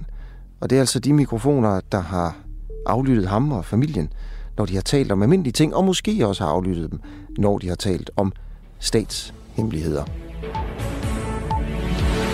Det er et meget stort skridt at tage, at politiets efterretningstjenester har aflyttet spionchef Lars Finsen i hans hjem. Det siger vores retskorrespondent Trine Maria Ilsø, efter at DR. Da jeg læste den her historie om, at der var små mikrofoner i spionchefens hjem i Nordsjælland, så tænkte jeg, okay, nu tager sagen en helt ny drejning. Og det er derfor, jeg vil tale med Ildsø i dag. Jeg vil finde ud af, hvor mange mikrofoner var der i hjemmet. Hvad, hvad ved hun om, hvad de har opsnappet, og hvad han er mistænkt for at have lægget der i sit, øh, i sit hjem i, i Nordsjælland. Og hvor meget Trine Maria Ildsø kan fortælle mig om det, det er jeg i tvivl om. Men det er derfor, at jeg har inviteret hende i studiet i dag. Velkommen til Spionchefens Hemmelighed. Jeg hedder Asger Jul. Og øh, afsnittet her det er altså allerede øh, ude i øh, appen. Det er bare at finde den. Og hvis man gerne vil have fingrene i det her afsnit og andet godt indhold, som ligger betal- bag sådan en betalingsmur, så det bare blive medlem. Det kan blive meget nemt. Man skal sms'e 1245, så kan man skrive UA, så bliver man medlem. Altså sms 1245 UA, og så bliver man altså medlem. Så øh, giver man 59 kroner om øh, måneden, og så er man med til, at vi rent faktisk kan få det her øh, skib til at sejle nogenlunde rundt, og derudover så øh, får man også øh, adgang til en masse unikt indhold, som øh, vi leverer til jer, blandt andet spionchefens øh, hemmeligheder. Skal vi... Øh, ved du hvad, Camilla? Jeg kan simpelthen ikke slippe det her med Sundhedsstyrelsen. Altså, altså jod, jodtabletter? Ja, fordi de er ude og købe, var det 2 millioner jodtabletter. Det virker til, at sådan alle eksperter, egentlig også dem selv, siger, at der ikke er nogen grund til det. Det er fordi, det er sådan lidt måske ekstra påpasselighed og et eller andet. Men det der bare, det er hvad det er. Men at de ikke engang lige har gjort sig den bekymring og opdatere deres hjemmeside. Det, det synes jeg faktisk ret, ret vildt. Men måske altså, er deres holdning det samme, og så er grunden til, at de har købt dem, det er simpelthen bare, fordi folk hamstrer. Men altså, det, okay, hvis der ikke er nogen trussel, behøver de jo overhovedet ikke købe den, også selvom folk hamstrer. Men det er bare, du må forestille dig, Sundhedsstyrelsen skriver på deres hjemmeside. Sundhedsstyrelsen finder ikke, at der er sundhedsmæssige grunde til at anbefale eller tilbyde jodtabletter til den danske befolkning som forebyggelse ved eventuelt udslip fra nukleare anlæg i Ukraine. Det står der i dag. Og de har lige købt 2 millioner. Ved du, hvad det er? Jeg tror, jeg ved, hvad det er. Det er forsigtighedsprincippet, du. Ja, ja, det, det er med på, men så kunne de godt lige bare lige sådan opdatere deres hjemmeside en lille smule. Vi prøver selvfølgelig at få fat på dem i løbet af i dag også, men øh, det har været lidt, lidt vanskeligt. Yes. Nu skal vi til en øh, øjenvidenberetning, vi, øh, det ved jeg, begge to, Camilla, har glædet os til at, til at få, fordi at det er jo noget, vi virkelig har fokuseret på i lang tid, det her. En øh, iransk-kurdisk kvinde, som øh, blev tvangsdeporteret fra asylcenter Avnstrup, øhm, som man så i sådan en, øh, en lydløs video, hvor man så denne her deportering, altså hvor kvinden ligesom bliver... Ja, hun ligger på jorden, og der er fire-fem mænd, et eller andet omkring hende, der holder hende nede fysisk, og så er der rygter om, at hun også fik en indsprøjtning. Alt muligt. Hun bliver så sendt afsted, og så, så vidt vi ved, så gør hun skade på sig selv og bliver sendt tilbage til Danmark. Er det ikke sådan der? Jo. Ja. Men det der bare er, det er, at der er mange forskellige... Øh, altså myndighederne, de har ligesom afvist, at der skete noget, øh, noget ulovligt. De har også helt afvist, at øh, kvinden fik en beroligende indsprøjtning, som nogen mener. For dem, der hedder Trampolinhuset, de siger netop, at hun fik en beroligende indsprøjtning. Og det ved de, fordi deres kilder fortalte dem det. Men vi ved bare ikke, hvem deres kilder er. Men altså, nu har vi så et, øh, et øjenvidne, som måske kan gøre os lidt, øh, lidt klogere, i hvert fald give sin egen udlægning af sagen. Det er Fajesa Garimani, som er en 18-årig beboer på, øh, på Avnstrup. Fajesa, først og fremmest, øh, ja, godmorgen til dig. Godmorgen. Godmorgen. Vil du med egne ord beskrive, hvor, øh, hvor du stod henne, da det her skete? Altså, jeg stod i øh, trapper bag vinduet, når det skete. Okay, hvor tæt var du på? Hvad? Hvor tæt var du på? Altså, jeg kunne godt se ovenpå, hvad der skete, og hvordan de slår alt det der. Men jeg kunne ikke se lige præcis, hvad gør de sådan mellem midten af dem, som er var, holder kvinden ned. Okay, men du havde, havde du godt udsyn? Ja, cirka. Hvad, øhm, så du står, du står bag et vindue, så du kan ja. måske ikke høre, hvad der bliver sagt eller råbt, eller øh, hvordan? Eller med mindre kunne... vinduet var åbent, selvfølgelig. Altså, det kunne jeg godt høre, fordi døren nedunder var åben, så jeg kunne helt høre, hvad der skete dernede. Og hvad er det for ja. nogle øh, udvalg, altså hvad er det, der bliver sagt? Hvad siger kvinden i løbet af, af den her Altså, hun episode? kunne ikke sige noget, fordi de holder hendes mund, og hun kan ikke se ingen ord, så... Altså, du siger, de holder, de holder hende for munden? Altså, bare sådan holder på hovedet, derfor de kunne ikke se noget. Mm. Altså, hun var helt ned under pres. Okay. Man kunne ikke se noget, hvis man holder helt fast på hovedet. Så du, det er jo det, der er det store spørgsmål for mange, altså hvad der ligesom sker op til. Så du, hvad der var grunden til, at hun ligesom bliver behandlet på, på denne her måde? Altså, jeg har så det, jeg har fået ved fra kvinden, fordi hun har en udløbet pas fra Iran. Derfor hun skal blive udsendt, udsendt til Iran. Mm. Det eneste grund til, at hun skal blive udsendt. Men det er jo ja, det er sådan mere den mere overordnede. Sådan, Men i forhold til, at hun ligesom bliver lagt ned på denne her måde, Men, og det ser ja, voldsomt det har jeg set det, men hun var ikke sådan rigtig villig, og hun var heller ikke rigtig mod det. Altså, de skulle bare lidt presse hende, så øh, hun, hun går i bilen, men hun har bare sagt lige trækker sig tilbage, så pludselig det sker det, men hun var, hun var ikke så villig, at man skal have så meget vold. Så altså, du siger, at det eneste, hun har gjort, det var, at hun trådte Ja. et skridt tilbage, og så var det, at de lagde hende Ja, ned. det var, det var egentlig skridt tilbage, tilbage, så pludselig de pressede hende på jorden, og, og hun har ikke, hun var altså- ikke så meget villig, og sådan rigtig meget, at man kan styre hende. Men du siger, hun har ikke sagt noget som helst forud for det. Altså, har hun ikke sagt den eneste ting under hele den her episode, som du hørte? Nej, det har hun ikke sagt noget. Hun var rigtig stille, og hun kunne ikke gøre noget. Og hvad, med, altså, hvad blev der ellers sagt? Måske fra hendes mand, eller fra dem, der kom og hentede hende? Hvad sagde folk? Altså, når jeg går op på gangen og spørger politimanden, må jeg se han, så han siger, nej, det må du ikke. Og jeg skulle filme, så han siger også til mig, du må ikke filme. Jeg også. Mm. Men jeg skulle sige sådan, at jeg er, jeg er ret til at filme, men han siger, du skal ikke filme. Så bagefter, mm, når de går ned, så de andre, de filmer bare, de var, de, de siger, det, det er os, at de filmer. Så pludselig, de, altså, de siger, I må ikke gå ned under og altså, kigge på, hvordan vi ser osen eller sådan der ting.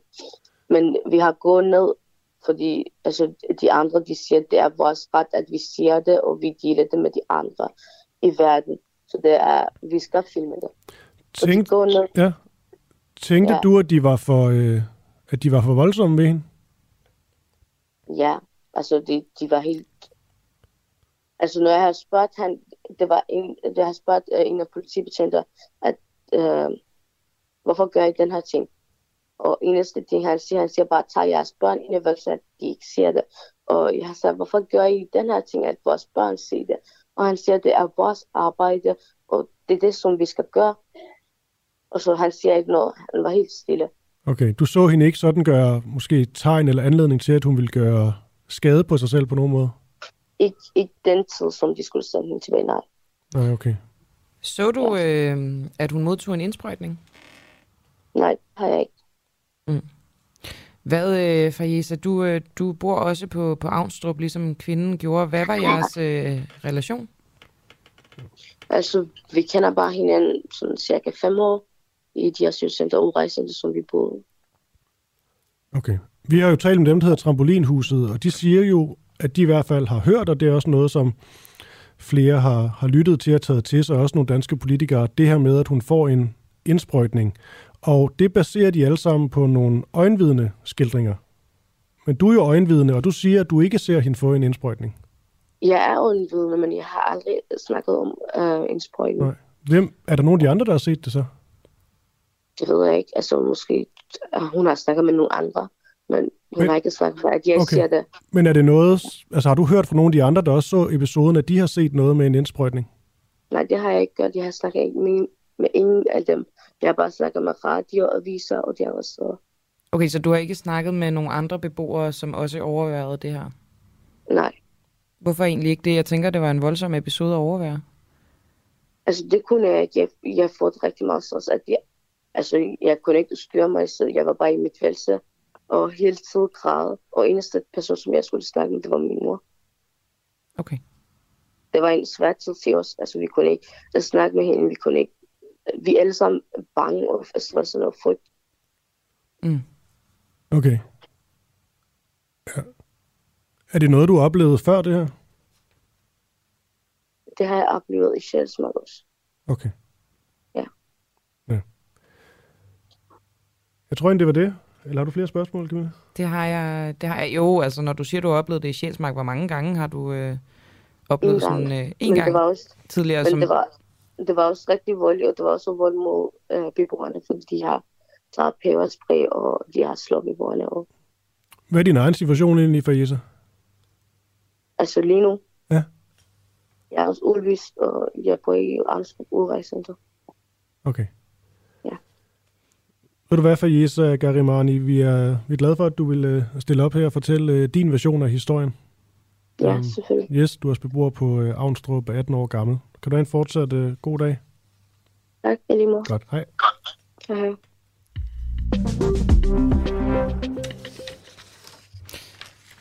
Jeg ved ikke, om du har en, øh, en nyhed, Christoffer?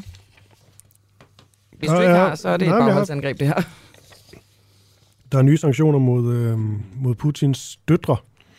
Ja. Japan de fastfryser 398 russers værdier. Og det her, det rammer altså blandt andet præsident Putins to døtre samt den russiske udenrigsminister, det er Sergej Lavrovs kone. Det skriver nyhedsbureauet DPA English.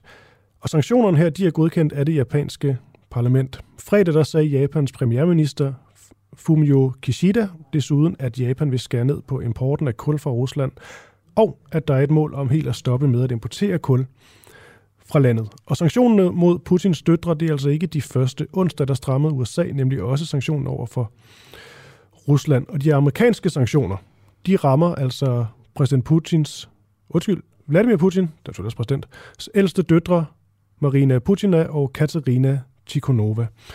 Så øhm, jeg ved ikke, om det er sådan, at du går man ligesom efter familien i større grad, eller om det er egentlig bare lidt tilfældigt, at de også bliver ramt af de her øh, sanktioner. Men altså, det er jo også det seneste, vi har hørt, at det er, at Japan er gået meget med ind i det her.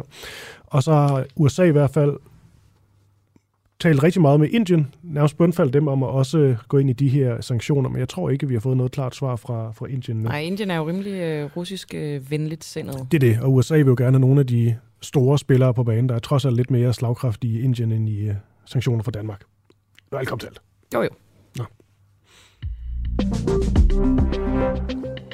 Nu skal vi snakke forsvarsforbehold. Og stiller spørgsmålet, kan EU-samarbejdet udvikle sig til noget overstatsligt? Altså kan det simpelthen blive en, øh, en glidebane mod, at vi skal afgive noget suverænitet? Nej-sigerne til, om Danmark skal ud af forsvarsforbeholdet, de har flere gange sagt, at Danmark netop risikerer at miste suverænitet, hvis vi først bliver en del af det her øh, EU-forsvarssamarbejde.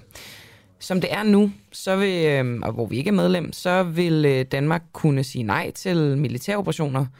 Øhm, og det vil vi så også kunne, selvom vi bliver en del af forsvarssamarbejdet. Altså vi er ikke forpligtet til at deltage i nogle operationer. Mm. Og i går, der forsikrede udenrigsminister Jeppe Kofod så, at skulle det komme på tale, at medlemslandenes vetoret i det her samarbejde skulle forsvinde, så vil der komme endnu en folkeafstemning. Men spørgsmålet er, om det scenarie er realistisk. Og det skal vi spørge øh, Rasmus Brun Pedersen, som er Ph.D. i internationale forhold og forsker i EU, om. Og Rasmus, hvordan vil Danmark kunne miste sin øh, suverænitet potentielt? Altså det, der er vigtigt at, at, holde sig for, for øje, når vi snakker om øh, det her samarbejde. Det er, det er et mellemstatsligt samarbejde. Vi har et, et øh, forbehold overfor, øh, som jeg kan sige. Hvis vi afskaffer forbeholdet, så kommer vi med i et mellemstatsligt samarbejde. Og i det her mellemstatslige samarbejde, øh, der har vi jo en, en indgået vetoret, fordi det er ligesom det, der ligger i det her. Så det er det, vi sådan skal tage stilling til nu. Og det er klart, det der er jo så en diskussion om, det er så, hvad så hvis nu det her område ændrer karakter? Øh, altså sådan at det, der begynder at, at, at ske nu, det er et forstærket samarbejde, der kommer på et eller andet tidspunkt videre til et, et overstatsligt samarbejde. Det er klart, hvis vi kommer i sådan en situation, øh, så er det jo et nyt område, så er det en ny situation, og det vil også kræve et øh, nyt traktatgrundlag øh, i EU. Og hvis der mm. kommer et nyt traktatgrundlag, som igen det er et hypotetisk scenarie det her, fordi det er der ikke nogen, der efterspørger pt, øh, jamen så vil det formentlig måske kræve en, øh, en afstemning, fordi der vil være tale om suverænitetsafgivelsen. Ja, og det vil være, altså det står i grundloven, at så skal vi have folkeafstemning. Men bare lige for at få det helt på plads, øh, hvis vi skulle miste denne her øh, vetoret, er det så noget, en beslutning, man bare tager i, i EU? Hvordan, hvordan foregår det sådan mere praktisk? Ja, altså igen, det, det, det kan gøres på forskellige måder, men, men det er klart, hvis, hvis, hvis vi tager det her område konkret, og det her specifikke område, og, og kigger på det, øh, så, så er der, øh, tror jeg, meget, meget lidt pres fra andre stater på, at, at EU, så at sige, skal have kontrol med, med militærstyrker. Altså det vil være ret utænkeligt, at uh, Frankrig, Tyskland, Spanien, Polen rent faktisk har lyst til at afgive kontrol over sin, uh, sit nationale Men vi ved jo ikke, hvordan det ser ud om 20, 50, 100 år. Nej, men, men vi ved i hvert fald lidt op fra øh, den undersøgelse, der blev lavet for, for DIS øh, for nogle år siden, hvor det faktisk var ude at undersøge øh, nogle af de her forhold. At det, det er noget af det, som de andre medlemsstater virkelig ikke efterspørger og ikke ret meget lyst til Lige nu. At, at gøre, netop fordi forsvaret det ligger i, i NATO-regi. Mm. Øh, så der er ikke ambitioner om, at EU skal udvikle sig lige præcis på det her område. Men hvis det skulle, altså, Hvordan foregår det så? Jamen altså, hvis, hvis det vil kræve en traktatændring, at man går ind i en eller anden overnational øh, system, kan man sige, hvor der så skulle være en, en, en EU-kontrol, altså så, så vil der være en, en, så vil kommissionen komme til at spille en, en større rolle, og der vil mm. man så formentlig på det her område så sige, at så går man over til flertalsopgørelse snarere en, en vetoret. Men igen, det er et meget hypotetisk scenarie, fordi der er ingen, øh, der pt. efterspørger det her. Så helt hypotetisk, så, så kunne det ske, at det blev besluttet i EU, at vi ikke længere havde veto øh, ret i det her forsvarssamarbejde. Nu fik jeg sagt, at... Øh, at hvis vi afgiver suverænitet, så skal det øh, til folkeafstemning. Det står i grundloven. Det, det, det ved jeg faktisk ikke helt om er helt rigtigt. Øh, er det det? Er det sådan, det foregår? Hvis man kan sige, det der ligger i, i grundloven, det er, at der skal være 5 6 flertal øh, i Folketinget eller en folkeafstemning. Og den har i praksis været, været tolket til, at øh, i EU-sammenhæng, at man har øh, valgt øh, folkeafstemninger som øh, instrument. Så, så vi er sikret, øh, altså hvis vi nu går videre ud af det her hypotetiske scenarie, så er vi sikret, at vi selv kommer til at stemme om forsvarssamarbejdet øh, igen? Skulle altså, hvis der kommer en, hvis der kommer en traktat, hvis der kommer en traktatændring, så ja, så, så, så, så, så skal vi ud til folkeafstemning øh, på det her område.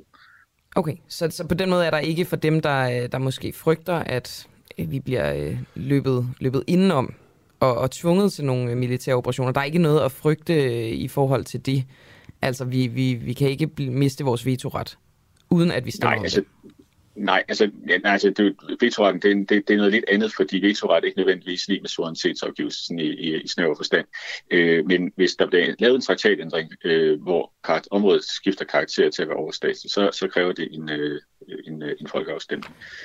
Det, øhm, det er sådan, det skal være. Morten Messersmith, han udtaler til øh, Ritzau, vi har i Danmark ikke tradition for at holde folkeafstemninger, når man afskaffer vetoretten.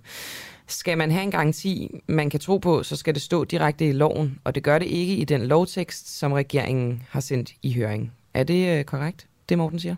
Et, øh, ja, en, en snæver øh, formulering, fordi det rigtigt bliver jo ikke hver gang, der skal, at vi skal afgive et eller andet øh, ud, så kræver det ikke nødvendigvis folkeafstemninger, fordi der ikke nødvendigvis er tale om suverænitetsafgivelse. Mm. Øh, så man kan sige, at i en snæver forstand har han jo ret, men det, vi taler om det her område, så vil det være traktatændringer, og det vil kræve en, en folkeafstemning. Fordi det vil utvetydigt være en suverænitetsafgivelse? Ja, det vil det være. Øh, så, okay. så på, den måde har han, på den måde er det rigtigt, øh, men, men omvendt igen, øh, problemstillingen er bredere end som så, fordi det vil netop kræve traktatændringer, og det vil, det vil kræve folkeafstemning. Okay. Øhm, så skifter jeg måske en lille bitte smule øh, spor, Rasmus Brune Pedersen, fordi det her, det er jo så det er jo den juridiske side af det, hvad er vi forpligtet til, øh, hvordan vil vi kunne miste vetoretten, og, og vil vi så skulle stemme om det igen. Øhm, men i forhold til det her med, at man siger, at vi ikke er forpligtet til noget i forsvarssamarbejdet, hvad med det politiske pres? Øhm, fordi det kan man vel ikke sige sig fri for, når man indgår i sådan et samarbejde, at der må ligge et vist politisk pres for, at vi faktisk skal deltage i nogle, øh, nogle missioner. Ja, altså man kan sige, der er jo, øh, der foregår, det, man kan sige, det er et område, der, der kommer til at ske rigtig meget på. Altså der har virkelig ikke været ret meget strøm i kablerne øh, på det forsvarspolitiske samarbejde. Øh, det, det er der kommet de sidste par år. Øh, og øh, der må man kan sige, øh, vi, vi står nu øh, pt, det er jo, at, at der foregår en, en del samarbejde på det her på, på det mellemstatslige område, og, og lige nu øh, er det faktisk sådan, at vi, vi på nogle områder nyder en del af de her goder, der er ved det her øh, samarbejde, netop fordi øh, der, der bliver taget vare om de her bredere sikkerhedspolitiske øh, områder. Øh, og derfor kan man sige, at vi får egentlig en, en del af, af goderne ved ikke at deltage, fordi vi yder ikke rigtigt, men øh, det er mm. klart også ved at stå udenfor, er der også en, en forventning om, at vi på en eller anden måde støtter op om de her ting, fordi øh, hvis vi ikke rigtig ønsker at bidrage osv., så, så koster det på renomméet, det koster på omdømmet, men det koster også, kan man sige, muligheder for at påvirke de her øh, udviklinger. Så der er en, også en forventning om, at vi bakker op, selvom vi ikke er en del af det, netop fordi vi er med til at, at nyde nogle af de, de gode, der også er, kan man så, sige, ved, ved her forstærket samarbejde. Og vi kunne i princippet bakke op med, med bilaterale aftaler? Ja, og det, det gør vi jo faktisk også, øh, fordi noget af det, der altså lige nu, øh, fordi man kan sige, vi er jo, vi har jo været et land også, der har været glad for at, og, og, og, så at sige, gå i krig. Altså vi har haft militær aktivisme, som jo også har været sådan en strategi for at, at kompensere lidt øh, for det indflydelsestab, vi har andre steder. Så vi er jo for eksempel allerede til stede i, i Afrika militært, men, mm. men det er jo ikke med, sammen med Frankrig, men det er jo ikke EU-samarbejde. Øh, så vi har jo også en interesse i, så at sige, fra den side at engagere os i lang række af de her ikke-EU-statslige, ikke EU-samarbejder, som er mellemstatslige, øh, hvor vi har været meget aktive det sidste par år år. Nu kan det godt være, at jeg skærer det lidt skarpt op, men jeg har faktisk til stadighed svært ved at se, hvad den egentlige forskel er ved at øh, være med i forsvarssamarbejdet eller stå, stå udenfor. Øhm, når der ikke er nogen forpligtelser, når vi i princippet kan, kan deltage i de missioner, som øh, vi vil, og vi måske også, jo flere missioner vi deltager i, øh, kan, kan, kan påvirke udefra, så, øh, så er det vel lidt om sådan, om vi er med eller ej. Så man kan sige, hvis, hvis der er, det ved at gå med, kan man sige, får vi faktisk, hvis man skal bruge den her logik, altså vi får nogle muligheder for at deltage i nogle operationer, vi måske godt kunne tænke os at deltage i faktisk. Men dem kunne vi vel også deltage i ellers? Ja, måske. Øh, nogle af dem kan vi vel godt, øh, men, men ved at komme med har vi faktisk mulighed for det. Men, men lige nu der er det sådan, at, at øh, vi kan deltage i de civile operationer, men vi kan ikke deltage i de militære. Der, vi får et øget kan man sige, handlerum til, til at deltage, hvis vi har lyst til at gå med. Men det, man skal tænke på ved at, og når vi snakker om forsvarsområdet, det er, at vi er jo ekstremt fokuseret på det her med militær, vi er ekstremt fokuseret på det her med, med, med missioner osv. Men der er også andre dele af, af samarbejdet, øh, der vedrører forsvar. Der er kommet en større forsvarsindustrielt samarbejde omkring det her med oprustning, hvor vi øh, er med til at finansiere det over budgetterne, men vi er ikke med til at prioritere, hvad det er for nogle øh, projekter, der skal gives penge til. Så er der hele det her kompleks omkring intern sikkerhed, hvor noget omkring kapacitetsudvikling eksempelvis på, på cyberområdet, hvor vi heller ikke er, med. Øh, så man kan sige, det er jo sådan en, en bredere palet egentlig af, af emner, der, der foregår her, øh, hvor der foregår rigtig mange processer, der foregår mange politiske dynamikker, hvor øh, der sker nogle udviklinger, som vi har en interesse i fra dansk side, og vi har også nogle, øh, nogle, nogle muligheder i det, som vi ikke er, er involveret i, fordi vi har vores forbehold. Hvor meget øh, kan... Øh, ja, undskyld. Hvor meget kan et, øh, et styrket øh, EU-forsvarssamarbejde presse Vladimir Putin? Så det, det der er... Øh, altså man hvis man kigger på det der forsvarsindustrielle samarbejde, det er der, jeg tror, de, de, øh, de glemmer vi lidt i, i debatten herhjemme tit. Altså det, det her, de store dynamikker PT foregår, fordi der er virkelig pumpet mange milliarder ind. Øh, medlemsstaterne pumpet mange penge øh, ind i forsvarsindustrielt samarbejde, hvor man bruger EU som redskab til at udvikle øh, projekter. Og der kan man sige, noget af det, som EU kan, kan bruges til at, i forhold til det her med at presse Putin osv., det er jo, at altså, hvis EU også skal have en afskrækkelseskapacitet, så, så koster det penge. Det er dyrt. Øh, det kræver militært Ligesom og en måde at opruste på, og en måde at skabe øh, ja, oprustning på, det, det er vi eksempelvis ved at udvikle fælles europæiske projekter. Og det, det er noget af det, vi gør via, eller de andre lande gør via EU, og det er det, vi har et forbehold overfor, øh, fordi vi ikke er med i det, der hedder PESCO-samarbejdet, en del af PESCO-samarbejdet. Øh, så den kan man sige, den del er vi ikke med i. Øh, og, og, og derfor bliver EU sådan en, et, øh, et, et redskab, så at sige, for EU's stater eller medlemmerne til at opruste og til at skabe finansiering, sådan at vi eksempelvis også kan leve op til de forpligtelser, vi har i NATO. Kan man sige det sådan lidt skarpt skåret, at et, øh, et nej til forsvarssamarbejdet, det er et ja til Putin? Altså, det synes jeg er meget hårdt, fordi der kan være mange grunde til, at man, man ikke har lyst til, til, mm. til, til at stemme, fordi man, man kan netop måske frygte, hvad, hvad, hvad udviklingen bliver. Men, men jeg, jeg tror, man kan sige, hvis, hvis man vil ind og sikre, eller være med til at, at skabe nogle rammer, kan man sige, for at, at, øh, at, at også, kan man sige, vi, vi får en indflydelse på de projekter, der, der bliver udviklet, øh, og skal være med til at få nogle kapaciteter, som, som vi godt kunne tænke os, og som NATO efterspørger, så, så, så, er det, øh, så er der nogle muligheder i samarbejdet, som, som øh, vi ikke har udenfor.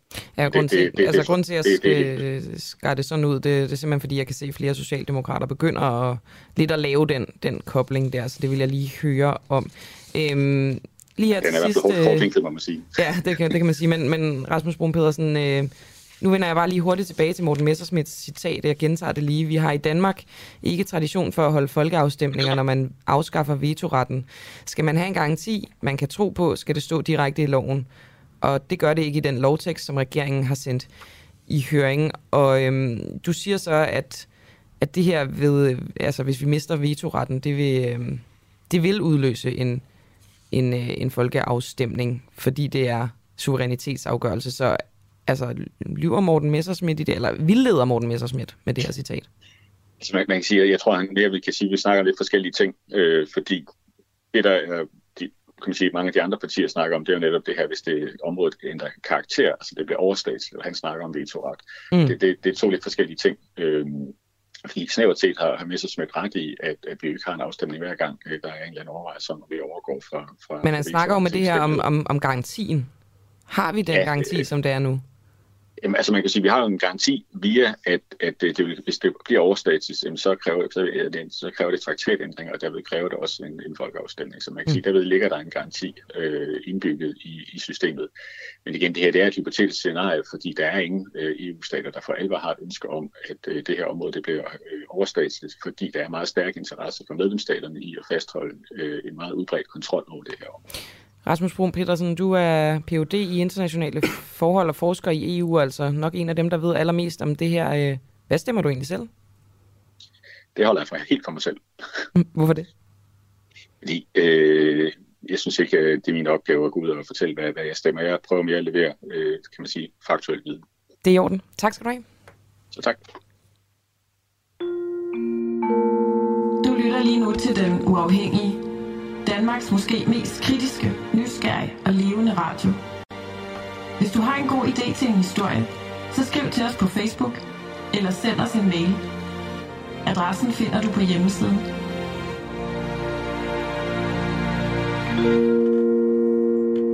Så blev klokken 8.48, og godt forsøg, Camilla, med at få ham til at sige, hvad han øh, vil stemme. Jeg, jeg tænker bare, det kunne være relevant, fordi han må være en af dem, der er mest øh, sådan oplyst og velorienteret i det spørgsmål.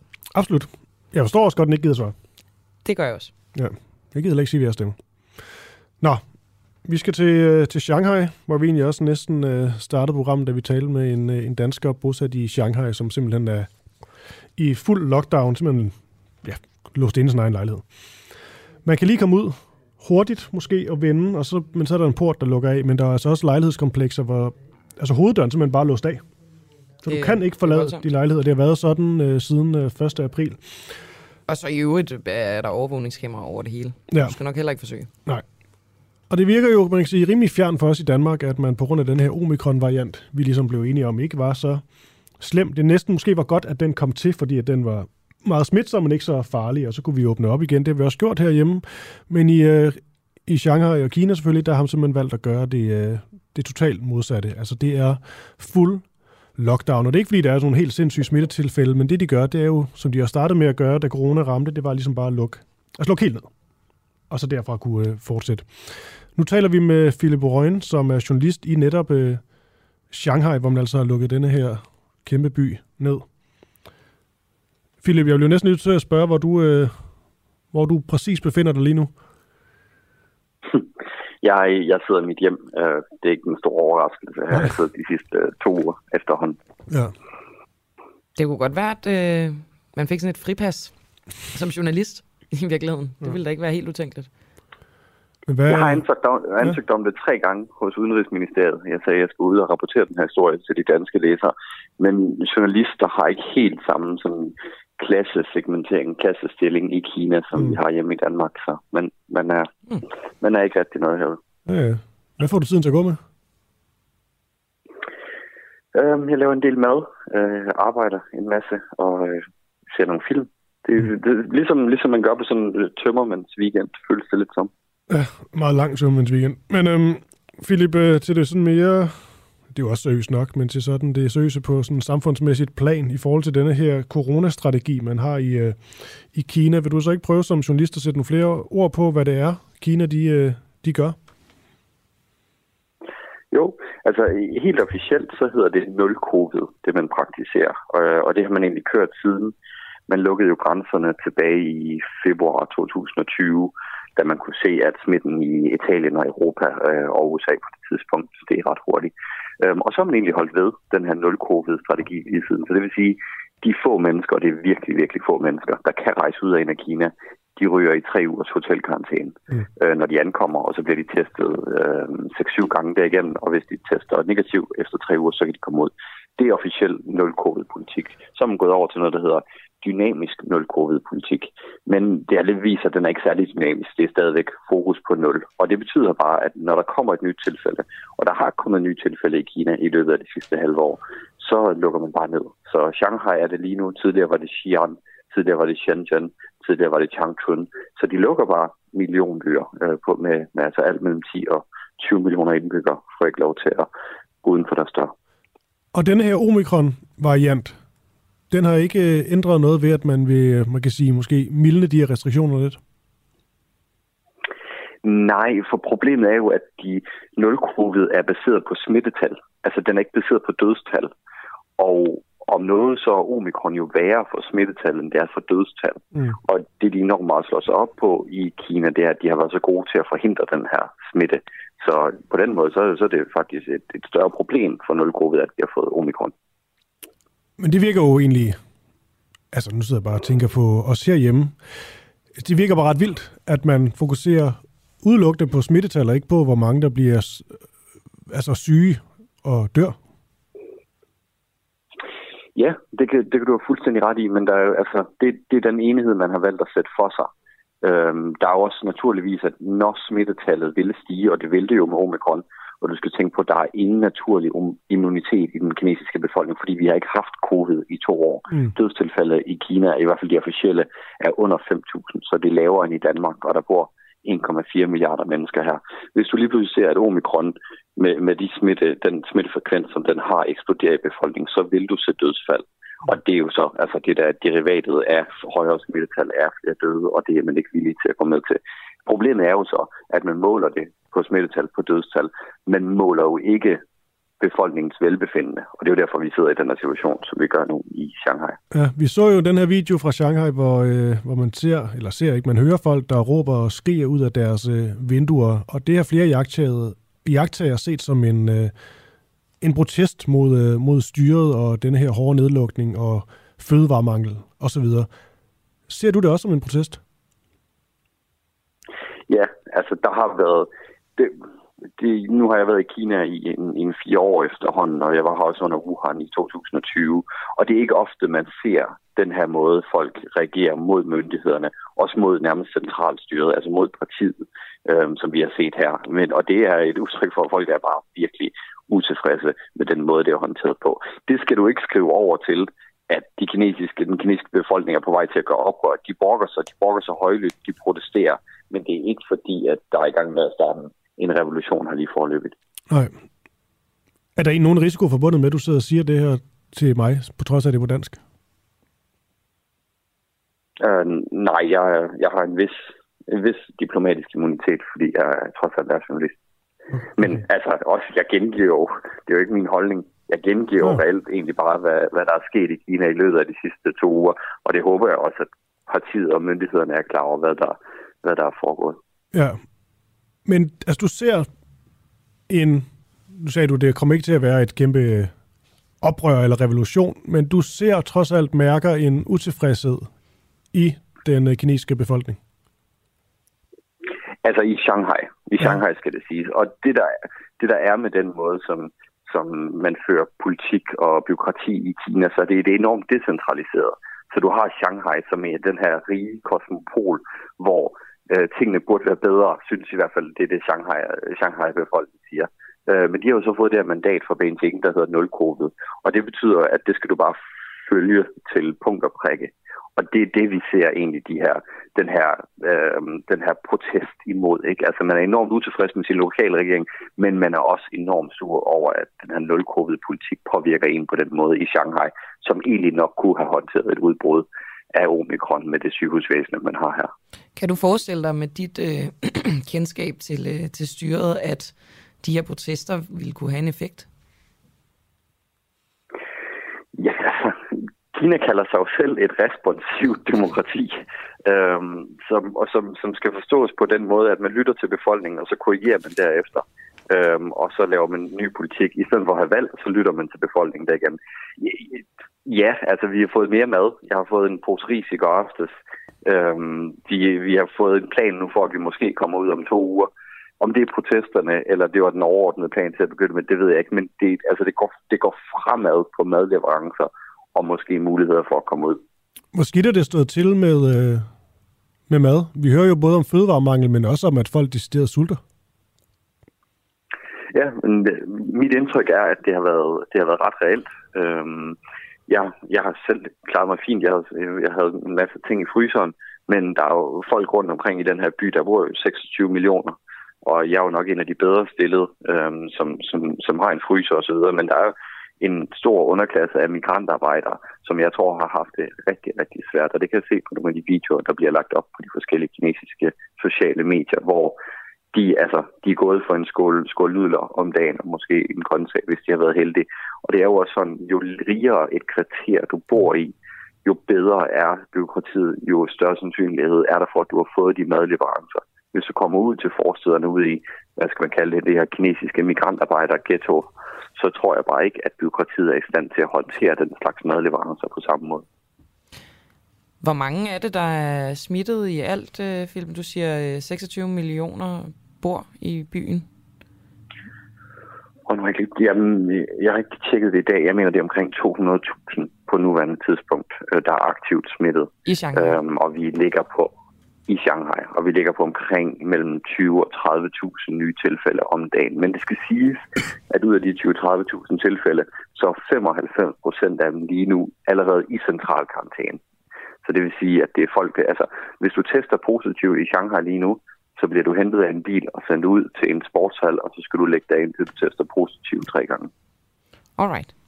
Jamen, øh, det tror jeg var det, Christoffer fra Philip. Det tror jeg også, Philip Røgen. Du er journalist øh, bosat i øh, Shanghai. Du har, hvad sagde du, to uger mere i øh, total isolation? Jamen, det, det er lidt usikkert, men jeg, jeg håber, at det bliver før, men øh, det kan godt se ud til, at det bliver to uger. Okay. Øhm, al sympati og medfølelse herfra. Og, tak skal I have. Nyd jeres frihed. det vi gør. Kan du have det godt? Trods alt. Tak. Hej. Hej. Det er en helt vildt ved at tale med en mand, som sidder, dansker, der sidder total isolation, når vi bare kan vælte rundt her.